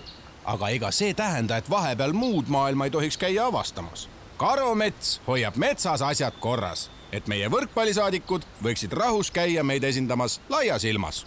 enne veel, kui me läheme päris saate viimase teema juurde, siis Rivo, ma küsiks sinu käest, kuna sa oled meil natukene siin eemal olnud paarist viimasest saatest, siis meil oli Tartus väga huvitav vestlus äh, sinu endise paarilise Kristjan Kaisiga. ja, ja ta rääkis teie rannavõrkpalli karjäärist ja, ja seda oli väga huvitav minul kuulata ja ma loodan ka kuulajatel seda oli huvitav kuulata kas sa oled äh, Kristjaniga selles suhtes nõus, mis ta seal välja ütles, et sinul oli ka alguses oli see rannavõrkpall lihtsalt kui fun, mida sa tegid Pärnus ajaviiteks ja, ja sa kohe nagu ei taibanudki, et et tõesti sellel alal on võimalik jõuda väga kaugele ja kõrgele ja saada ka seda nii-öelda siis rahalises mõttes äh, tegema hakata? nojah, ei selles suhtes ma olen Kristjaniga nõus, aga, aga see, et kaugele jõuda, on ju, sellest aru saada on selles suhtes üsna raske alguses, et ega sa kunagi ei tea, kui kaugele sa jõuad. aga see, et äh, nagu rahaliselt võib seal midagi teenida või saada Äh, sellest ma sain aru siis, kui me hakkasime tolle Eesti meistrivõistluste etappe mängima, noh, see oli ikkagi, kui Steniga mängisime, siis me teenisime suvega ütleme, mingi viie-kuue etapiga teenisime noh, päris mitte kümme korda rohkem, aga ma arvan, kaheksa korda rohkem kui terve saali hooaega, noh. See, kui me saime äh, kuidas need, kes need toetused nii meeletud viies-kuues koht oli äh,, oli sellel hetkel mis see võis olla seal, üheksakümmend kuus aasta või? oli seitsesada viiskümmend eurot, seitsesada viiskümmend krooni kahe peale. Aga kust tol ajal need rahad olid ja kus, kuidas neid tänapäeval siis üldse ei ole? Äh, väga suur vahe tuleb sellest sisse, me oleme rääkinud ka sellest, et tollel ajal oli see meediaväljund, ta oli nagu äh,, mitte meedia, oli, üks oli meediaväljund, on ju, et teles olid saated, seda kajastati palju. üheksakümmend kuus aastal jah, vist üheksakümmend kuus alustasime Steniga mängimist. ja siis oli teles juba saade Rannavõrkpalli Eesti karikaetappidest? jah, jah okay.. Äh, ja ta oli väljundina nagu, reklaamväljundina oli kõva sõna. Selles suhtes, et kui sa suutsid minna toetaja juurde ja öelda, et mul on Pärnu rannas on terve mm -hmm. nädalavahetuse on ainult sinu plagud üleval mm. -hmm. ilus ilm on, sul on kakskümmend, kolmkümmend tuhat, sest mujalt seda infot peale ei tulnud, mujalt sul reklaami teha oli üsna raske sellel yeah. ajal, kanaleid oli vähe. ja siis oligi, noh, meil oli nii, et äh, mingitel hetkedel olid äh, ja nüüd võta see, et me teenisime põhimõtteliselt kuus või seitse nädalavahetust järjest mõlemad teenisime siis äh,, mis ta siis teeb? Seitsesada viiskümmend lüüa pooleks, kolmsada seitsekümmend viis. kolmsada seitsekümmend viis krooni iga nädalavahetus, sellel ajal see oli väga suur raha, nagu väga suur raha. järgmised aastad me hakkasime tegema paremaid tulemusi, jõudsime poolfinaalidesse, finaalidesse, seal teenisid juba mingi sihuke kaks-kolm tonni näkku, onju. siis äh, sa oled küsimust ka see oli arusaadav juba. aga noh, see, see muidugi, äh, see kõik investeeriti umbes Sunseti katusesse, mis see aasta minema lendas. kusjuures sa kusjuures me olime ju see suvi sinuga koos seda ja, tormi vaatamas seal Pärnus, nii et see oli põhimõtteliselt meie raha lendas selle Esnaga. nüüd oleks õige aeg uuesti teenima hakata ja sinna panustama hakata see on nagu omaaegne ilutulestik, et äh, paned sinna raha ja siis see lendab õhku. ja, oli ka tore vaatamist. nii pikalt läheb sellega, ju, ju see oli hästi. käisid kogu aeg vaatamas, aga. ootasime seda hetke. kusjuures, aga siis sa vastasid mu küsimuse ära, ma tahtsin küsida, et kui me siin paar saadet tagasi sa panid omale seda võistkonda kokku sa arvutasid iga sendi ka eurodest välja, kuidas sul see võistkonna komplekteerimine välja näeks ja kuhu sul igal pool raha läheks ja kuidas veel üle jääks kõvasti, siis äh, kakskümmend aastat tagasi sa olid ilmselt teistsugune mees, jah? Äh, ei, no miks? ta arvutas kokku, palju, palju ta sinna pani, investeeris. Okei okay et ka mõtle, kui paljud inimesed said Sunsetis käia tänu minule ja Stenile ja Kaarel Kaisile ja Kristjan Kaisile ja Avole ja Oho. Kaidole ja Argole ja Margusele ja, ja ornitoloogide selts, nagu tänapäeval teil on. jah, nagu mm. vene keeles öeldakse, idrugie okay. sinna lõppu aga kas Kristjan Kaisiga mängimine hakkamine sind ei hirmutanud? Kristjan rääkis, et kui ta ikkagi Aavo Keldale tegi pakkumise, et natukene oli noh, ta oli näinud, kuidas äh, Kreeniga oli seal Aavo mänginud ja teda natuke hirmutas, et vanem mees ka, et, et ta sellepärast loobus sellest. kas sind äh, Kristjan Kaisiga mängima hakkamine ei hirmutanud, ta ei jätnud sulle sellist muljet tol, tol hetkel äh,? absoluutselt mitte. noh, mis, mul ei olnud seal midagi karta. ma olen sellest rääkinud ka, et ma läksin üsna niimoodi peale, et davai, tuld ja vaatame, mis tuleb mm. ja, ja panen nii palju, kui panen, tähendab, panen täiega ja, ja kui ei tule, siis lihtsalt ei tule. ja noh minul oli, kõige raskem oli nagu Stenile ära öelda, et mhm. kuule, et nüüd on nii, on ju. aga, aga noh, esimesed tulemused näitasid, et me oleme võimelised mängima nagu väga-väga hästi, et. aga kui te nüüd kümme aastat tagasi, nii nagu Kristjan selles saates rääkis äh,, lõpuks oli järjekordne edukas hooaeg läbi saamas, te olite jälle maailma top kümnes hooaja kokkuvõttes ja äkitselt siis hooaja viimasel etapil ühe mängu ajal, kui Kristjan natuke vihastas vist äh, sinu peale või teie üldmängu peale ja ütles, et kuule, et see ongi meil viimane turniir koos siis vot kui keeruline hetk see sul oli, ma sain aru, et see tuli sulle ikkagi meeletu üllatusena. kui Kristjan oli selle varem välja mõelnud juba või, või enda peas otsuse ära teinud? tegelikult ei tulnud nagu väga-väga suure üllatusena ei tulnud, et äh, me mängisime hästi, aga viimastel aastatel oli, oligi see läbisaamine täpselt nii, nagu oli ja, ja mingi hetk, äh, kõik asjad saavad mingi hetk läbi. ja ma teadsin seda Kristjan, ta, ta, ta tuli selles suhtes üllatusena, et ta tuli ootamatult. ma arvasin, et Kristjan teeb selle otsuse peale hooaega aga ilmselt siis oli, ma suutsin ta nii endast välja ajada, et ta ütles mul selle seal väljakul. mis sa tegid, oskad sa natuke kirjeldada, mis siis seal väljakul võis juhtuda? ma ei mäleta. kas te ei pea kinni mingitest kokkulepitud reeglitest? ma ei mäleta seda päris ausalt. keegi lihtsalt lööb palli läks, maha. Läks nägeluseks seal mingi asja pärast. ma mõtlen, mille pärast läheb? ma just, mind huvitab konkreetselt, mille pärast kõige rohkem tipppaaril läheb omavahel nägelemiseks, kas selleks, et, et näiteks Rivo ei löö kolm korda järjest palli maha heast vastuvõtust, heast tõstest, kas see sellisest asjast või sellest, et keegi näiteks ei jälgi ploki kaitse taktikat või? Äh, see ei ole, seal ei ole kindlasti tegu ühe mänguga ega ühe situatsiooni ega ühe, ühe mingi kahe-kolme asjaga, et see, kui sa mõtled nüüd selle peale, et selleks hetkeks oli meil hooaeg kestnud taaskord mingi kümme kuud, on ju. ja eks sealt oli igalt poolt midagi kaasa tulnud kõigile, et äh, tüdimus oli siis see põhjus? mingi hetk oli, tüdimus ei olnud, kordagi nagu tüdimust ei olnud Kristjanist, aga, aga ma eile rääkisin siin nooremate rannavõrkpalluritega ka, kes lugesid seda, seda lugu, on ju äh,, siis kui alguses oli võib-olla see, mis hoidis nagu hästi äh,, oli, kõik oli nagu hästi huvitav ja põnev ja värk, kõik oli nagu äge kogu aeg, olid mingid uued mängud, uued tegevused, asjad. Sinna-tänna, esimesed kolm-neli aastat oli nagu niimoodi, on ju. siis mingi hetk muutus see asi tavaliseks mingi hetk oli see, et, et kõik on nagu loogiline, kõik peabki nii olema, me peamegi olema seal, kus me oleme mm. -hmm. siis mingi hetk tekkis, tuli minu peas see, et me võiks tegelikult jõuda kõrgemale, on ju, ja siis sealt hakkas minul tekkima mingisugune nagu pidur. et ma hirmsalt pingutasin, proovisin, püüdsin igatepidi, aga ei saanud nagu läbi.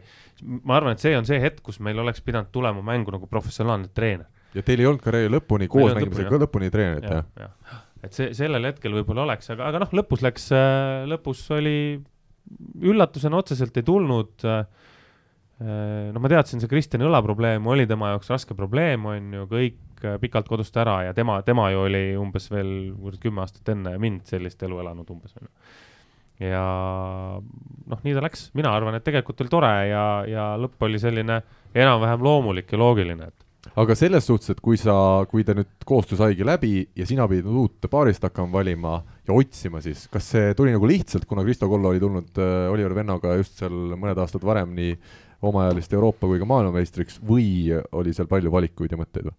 tegelikult me alustasime ju Karl Jaaniga.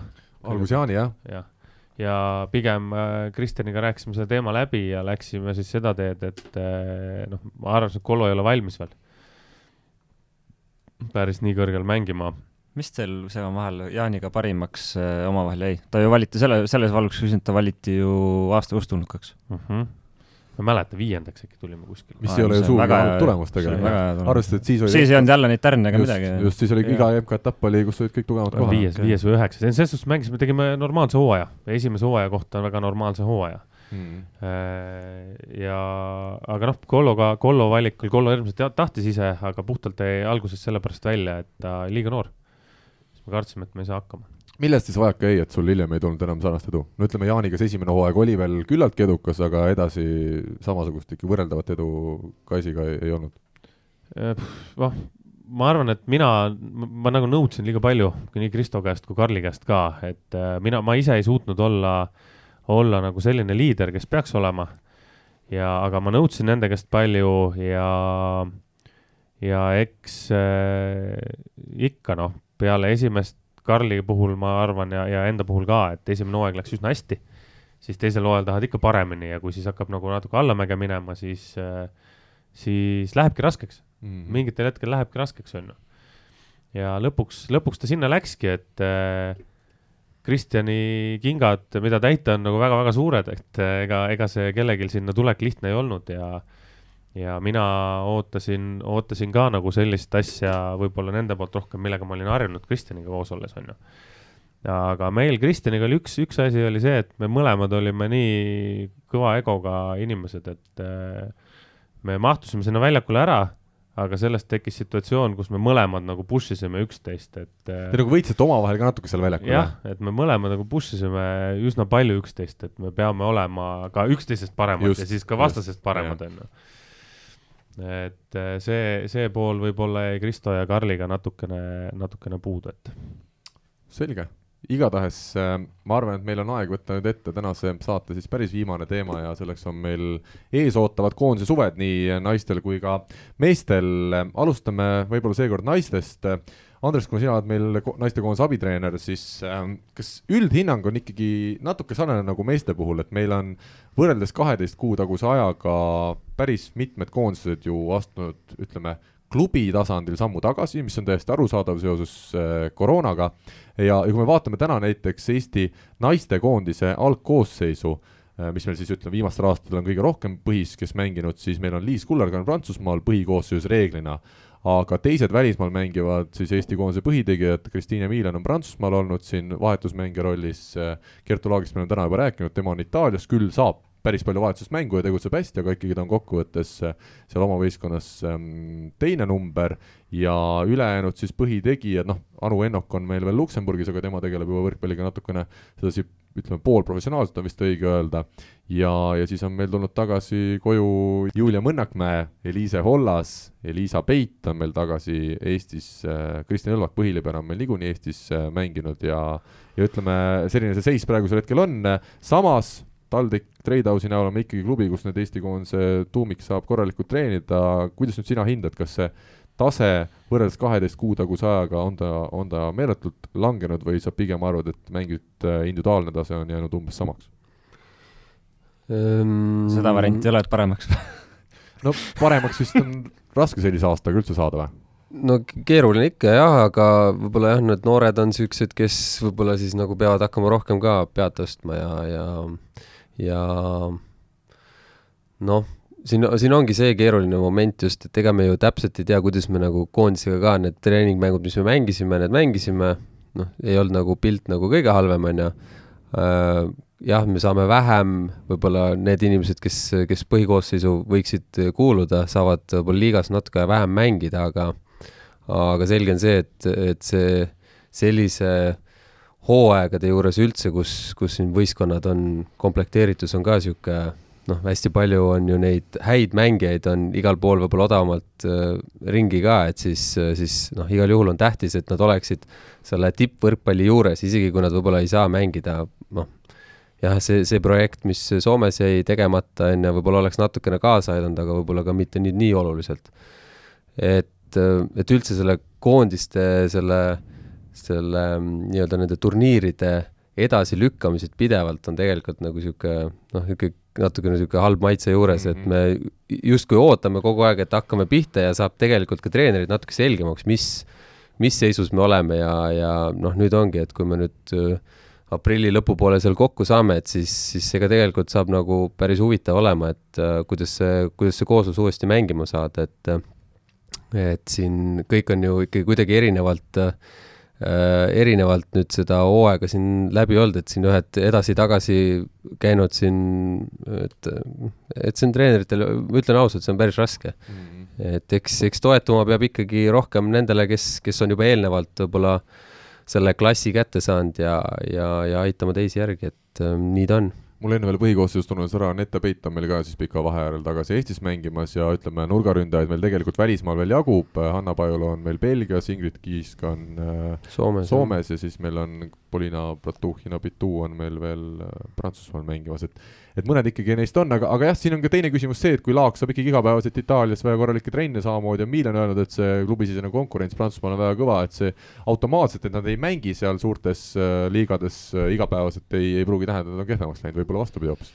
noored mängijad ka veel ju mõlemad nojah, et seal see arenemiskoht on jah, et sa trennis võid areneda, nüüd oleks vaja seda mängus ka kuidagi, kuidagi nagu saada, saada nagu siis realiseerida, aga aga eks see on jah, see praegult meie mõlema koondise selline niisugune väike niisugune must niisugune küsimärk eh, õhus, et et selliseid tugevaid, tugevaid liigades säravaid mänge, noh, sellest kindlasti jääb puudu, aga aga loodame siis, et selle kevadperioodi suudame nii pikaks ajada, et suudame vähemalt võistkonnana nagu tööle panna korralikult. minu küsimus sulle nüüd see, et Lorenzo Micheli tuli meil sellest, noh siis kahe tuhande kahekümnendast aastast Eesti koondise peatreeneriks, võrreldes Andrei Ojametsaga, ma kujutan ette, see käekiri on ikkagi meeletult muutunud, see stiil on teistsugune, kui kaugel on täna Eesti naiste koondis äh, sellest mängust, mida Micheli tahab äh, meiega mängida? kas teil on ikkagi väga pikad sammud veel õppimisprotsessis minna või juba selle esimese suvega sai päris palju ka paika?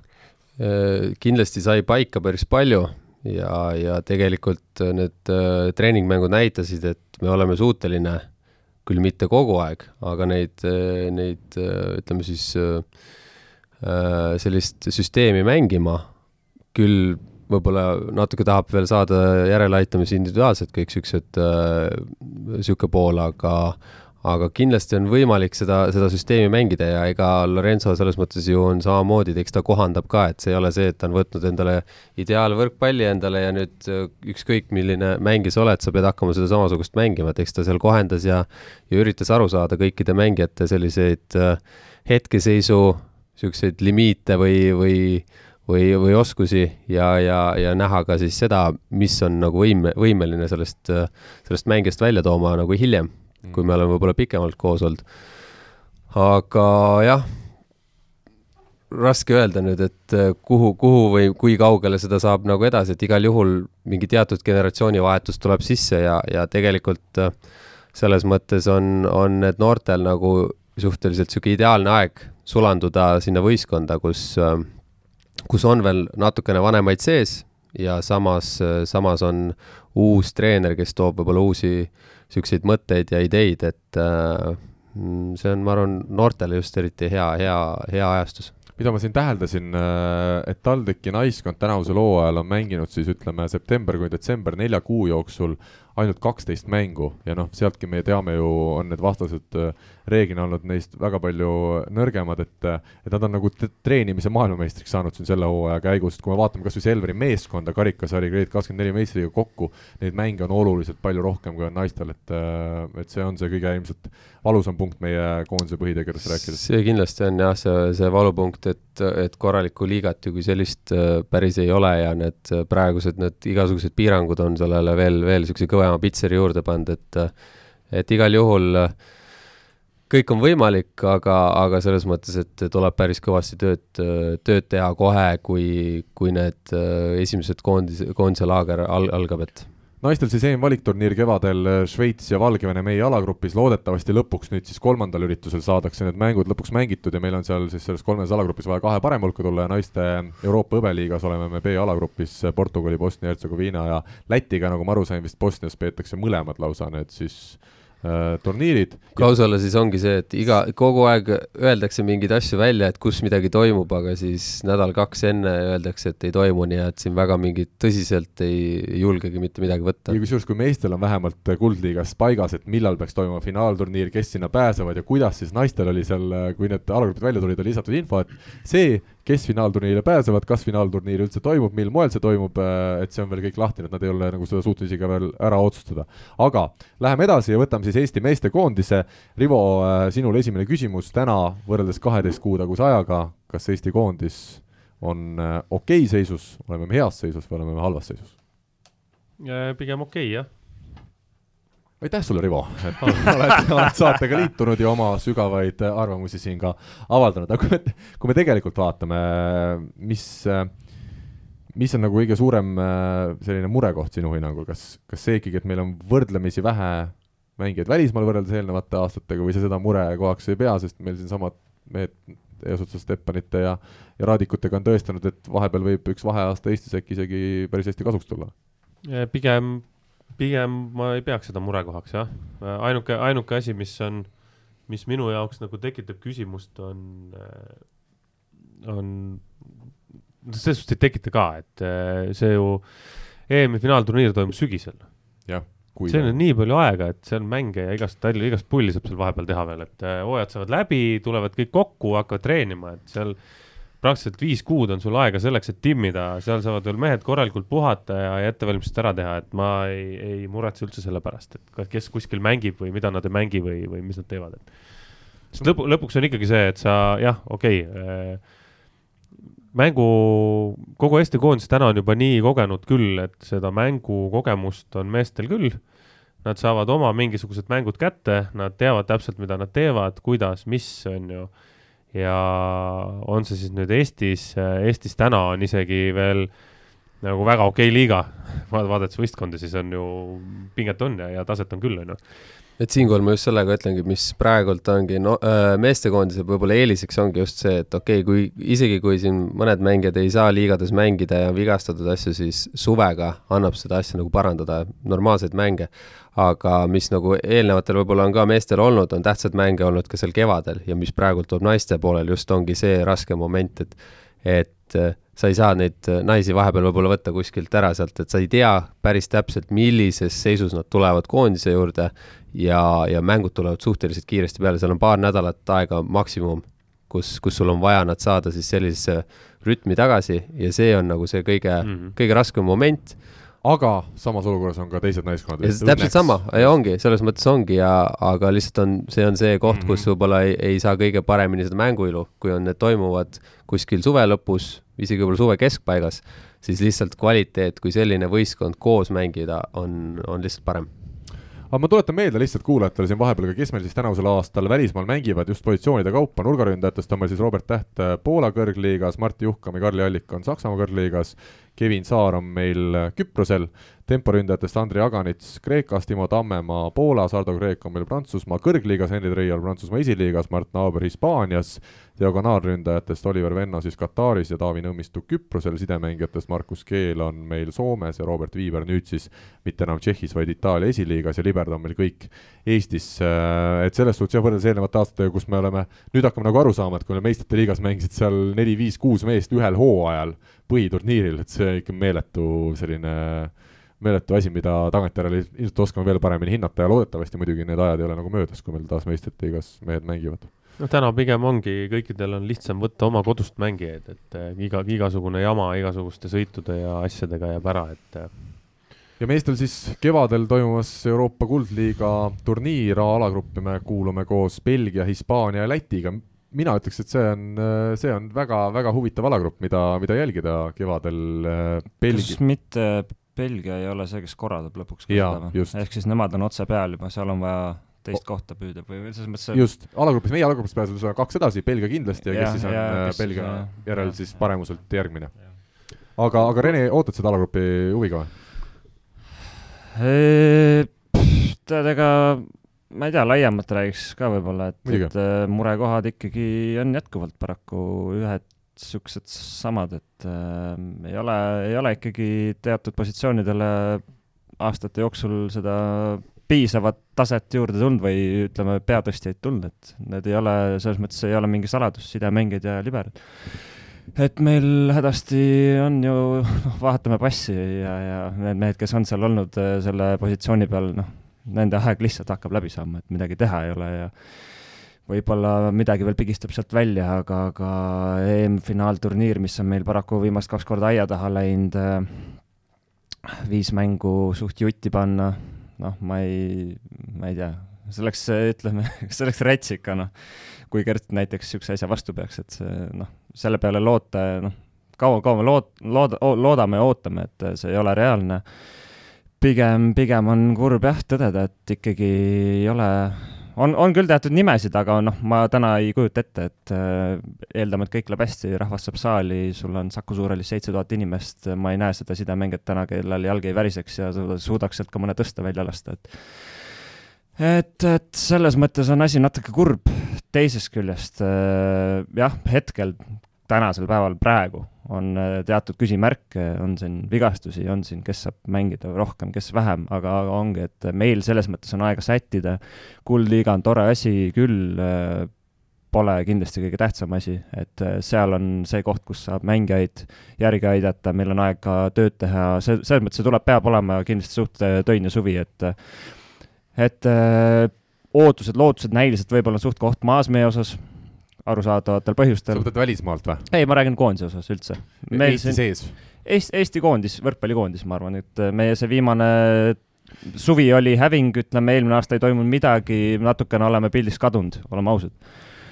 ja, ja noh, teame iseenesest, et seal on teatud põhjused, aga võib-olla see selles mõttes ongi nagu hea sütitaja, et, et mis mõttes nüüd tahame näidata ja, ja noh, ilmselgelt kodus me tahame näidata nagunii, on ju, et et see võib meie, meie kasuks tulla, aga, aga jah, eks seal, seal ongi, meil on uus peatreener, mul isiklik kokkupuude puudub, on ka teatud ohumärke sealpool.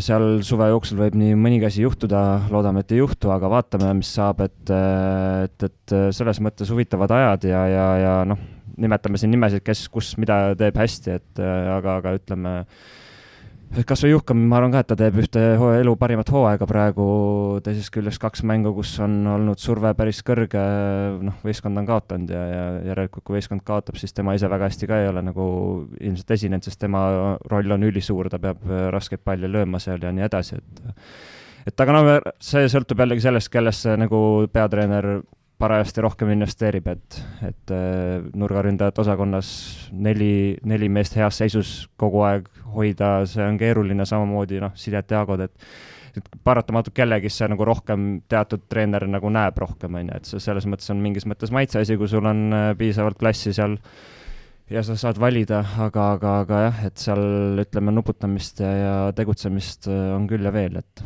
mulle ikkagi endiselt kuskil kuklas, see küll eeldaks jah, et teatud mehed on kas terved või, või suudavad väga hästi mängida, aga mulle meeldis see suvi, kui, kui Olku oli ka nurgas, et äh, see oli tegelikult ülikõva asi, mis toimis ja mis, mida me nagu pärast ei ole testinud, et see on ka kindlasti minu arust niisugune kerge mõttekoht sa mainisid siin sidemängijaid ja liberoid, kus meil, me teame, et meil natukene sellest siis maailma või Euroopa tipptasemest äh, jääb puudu ja, ja ei ole ka hetkel kohe näha nii säravaid mehi, kes siin aasta-kahe pärast võiksid äh, sellel kohal sellisel tasemel, nagu me vajame olla, aga samamoodi on ju seesama diagonaalründaja koht, et mina ütlen täna ausalt, kui Oliver Venno teeb hooaja Kataris siis selle pealt ma ei julge küll nagu öelda, et oleks Eesti koondises needsamad viis mängu järjest äh, diagonaalis meil põhimees.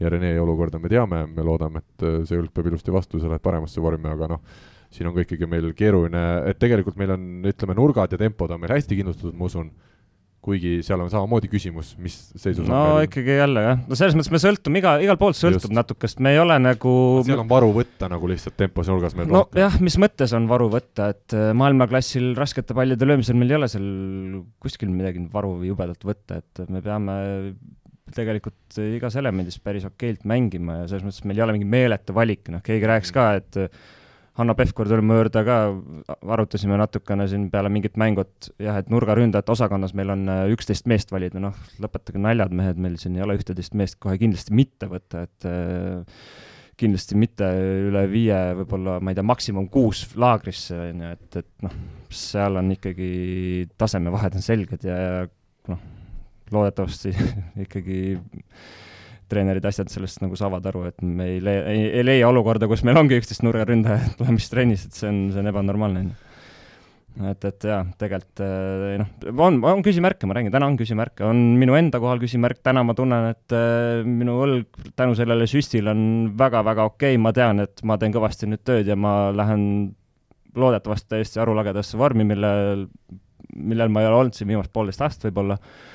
samamoodi Olku poolest ma ei muretse absoluutselt, sest ma tean Olkut, ta küll, ta tuleb ja teeb oma tükid ära, jah, kas ta suudab mängida viis mängu vajadusel EM-il, see on selles mõttes kogu aeg küsimärk, vahet ei ole, kas ta on Kataris või kus iganes, on ju, et eh, tõenäoliselt see treener on töömees, nagu varasemalt ka kuulda on olnud, talle meeldib noortega tööd teha ja nii edasi, noh, oleme varem ka arengutööd teinud, Olkule see selles mõttes otseselt ei ole sobinud, pluss need reisimised ja need värgid, on ju aga, aga kui me targalt äh, tegutseme, siis, siis selles mõttes ma ei näe probleemi. ja nagu siin me juba mainisime ka, et erinevalt naistest, siis meil on äh, nagu meeskonnal terve see suviaeg seda vormi koguda, isegi nendel, kes see vorm ei ole kõige, kellel ei ole kõige parem ja, ja vajadusel puhkust anda ja.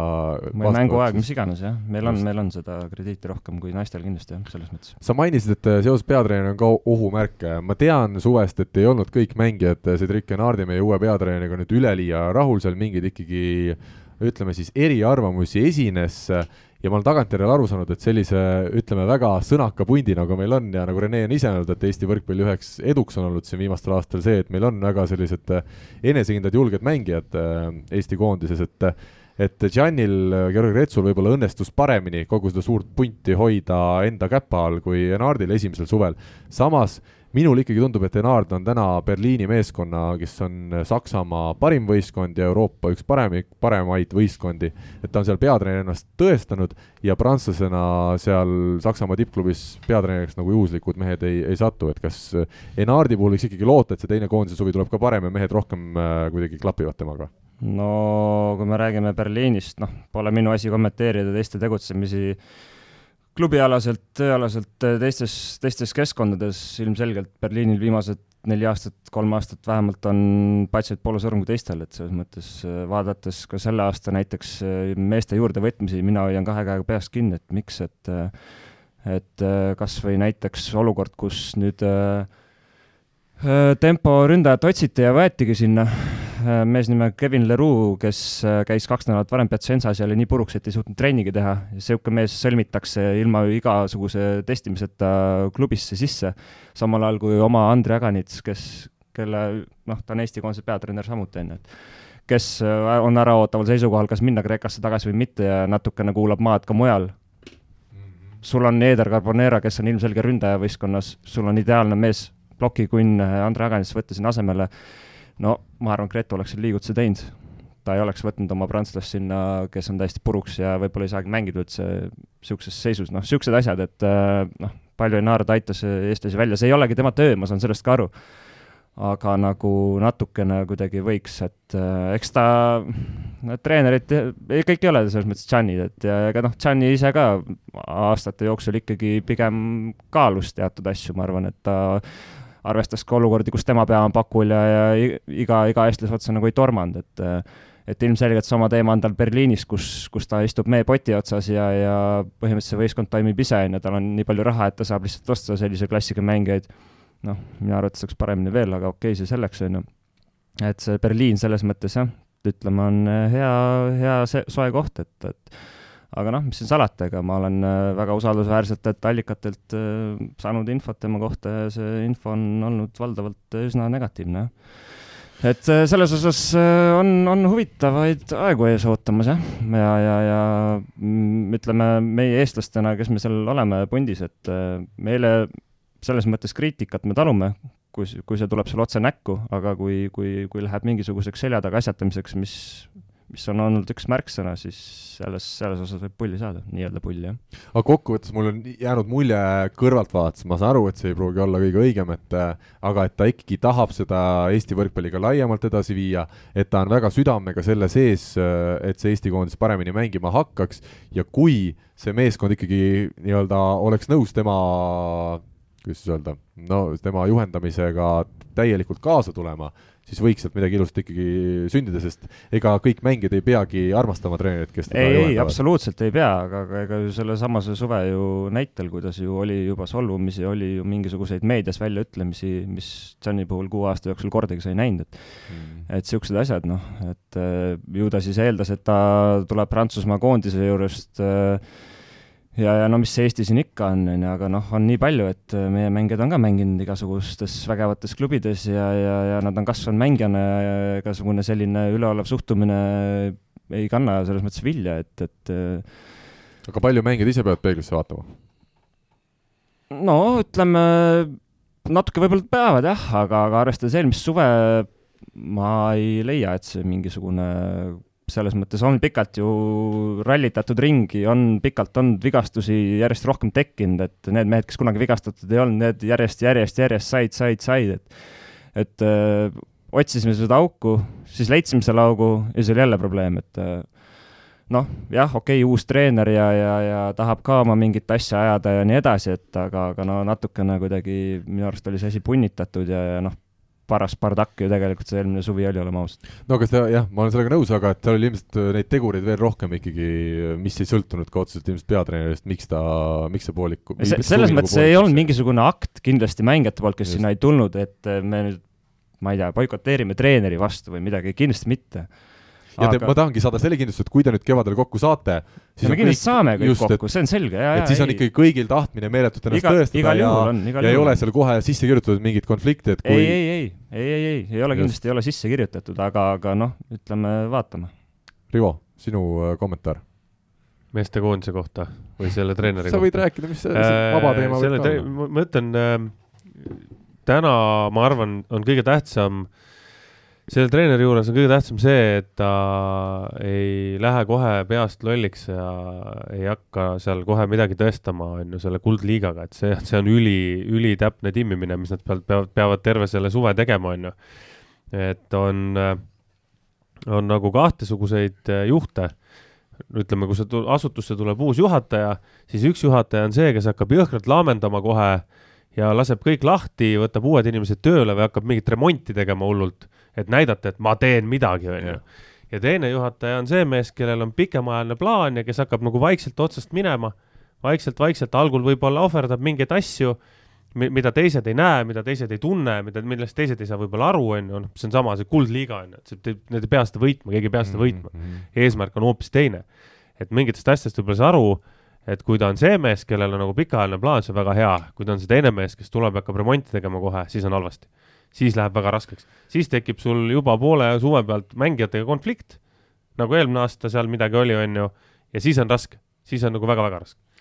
aga ma jälle mõtlen seda, et ega kuldliiga ta ei peagi olema prioriteet, aga samamoodi ta ilmselt ei ole prioriteet Läti jaoks, kes valmistub samamoodi EM-finaalturniiriks ja Belgia jaoks, kes valmistub EM-finaalturniiriks. Hispaania meil vist veel EM-il ei, ei ole, nemad peavad veel seda kohta püüdma, aga ei seda no kui asjad klapivad, loomulikult me lähme ju võitma, ega me niisama pulli pärast seal ka trenni ei tee ju selles suhtes. aga, aga jah, ja see peab, seal peab olema nagu arusaam, et äh, kuhu ja kuidas ja miks ja kellega ja, ja milleks, et äh, täpselt nagu Rene ütles, et äh, noh, ilmselge on see, et Gert Toobal ei saa peale seda hooaega nüüd panna veel kuradi neli kuud jutti möllata enne EM-i ja siis panna seal EM-il oma mängud otsa, on ju, on neid teisi mehi, kes seal lihtsalt ei saa lubada endale seda, keegi ei saa seda lubada endale tegelikult. et siis sa peabki väga täpselt varieerima, otsima ja vaatama, et kellega ja kuhu ja kuidas minna. Saade on saamas läbi, võtame selle lühidalt kokku, Rivo, millised on sinu uue, sinu üks uue aasta lubadus seoses võrkpalliga? seoses võrkpalliga ma ei oskagi, ei oska midagi öelda, ma, ma ei luba midagi, ma ei. Annad endast parima? ma annan endast parima, jah. Rene, mida sina uueks aastaks meil lubad? paremini kõrgemale, kaugemale. selge, vaata, et siis võrgu alt läbi ei lähe, kui sa liiga kaugele hüppad sealt rünnates. Andres, saaks korra line-up'i vähemalt. sa võid Vassile, Vassile öelda, et oi, pane mind, täna pane mind ja lase korra peale. väga hästi, saab räägitud. tundub, et teemad on kokku võetud, Vass on ennegi siukseid hulle tempe teinud. no aga tänased tembud on meil tehtud, aitäh kuulamast ja kohtume uuesti nädala pärast. nägemist. nägemist. Eesti kõige põnevamad podcastid on Delfis, kuula tasku.delfi.ee. ega edu pole jänes, mis seest ära jookseb, ärid on edukad Hammerheadi majades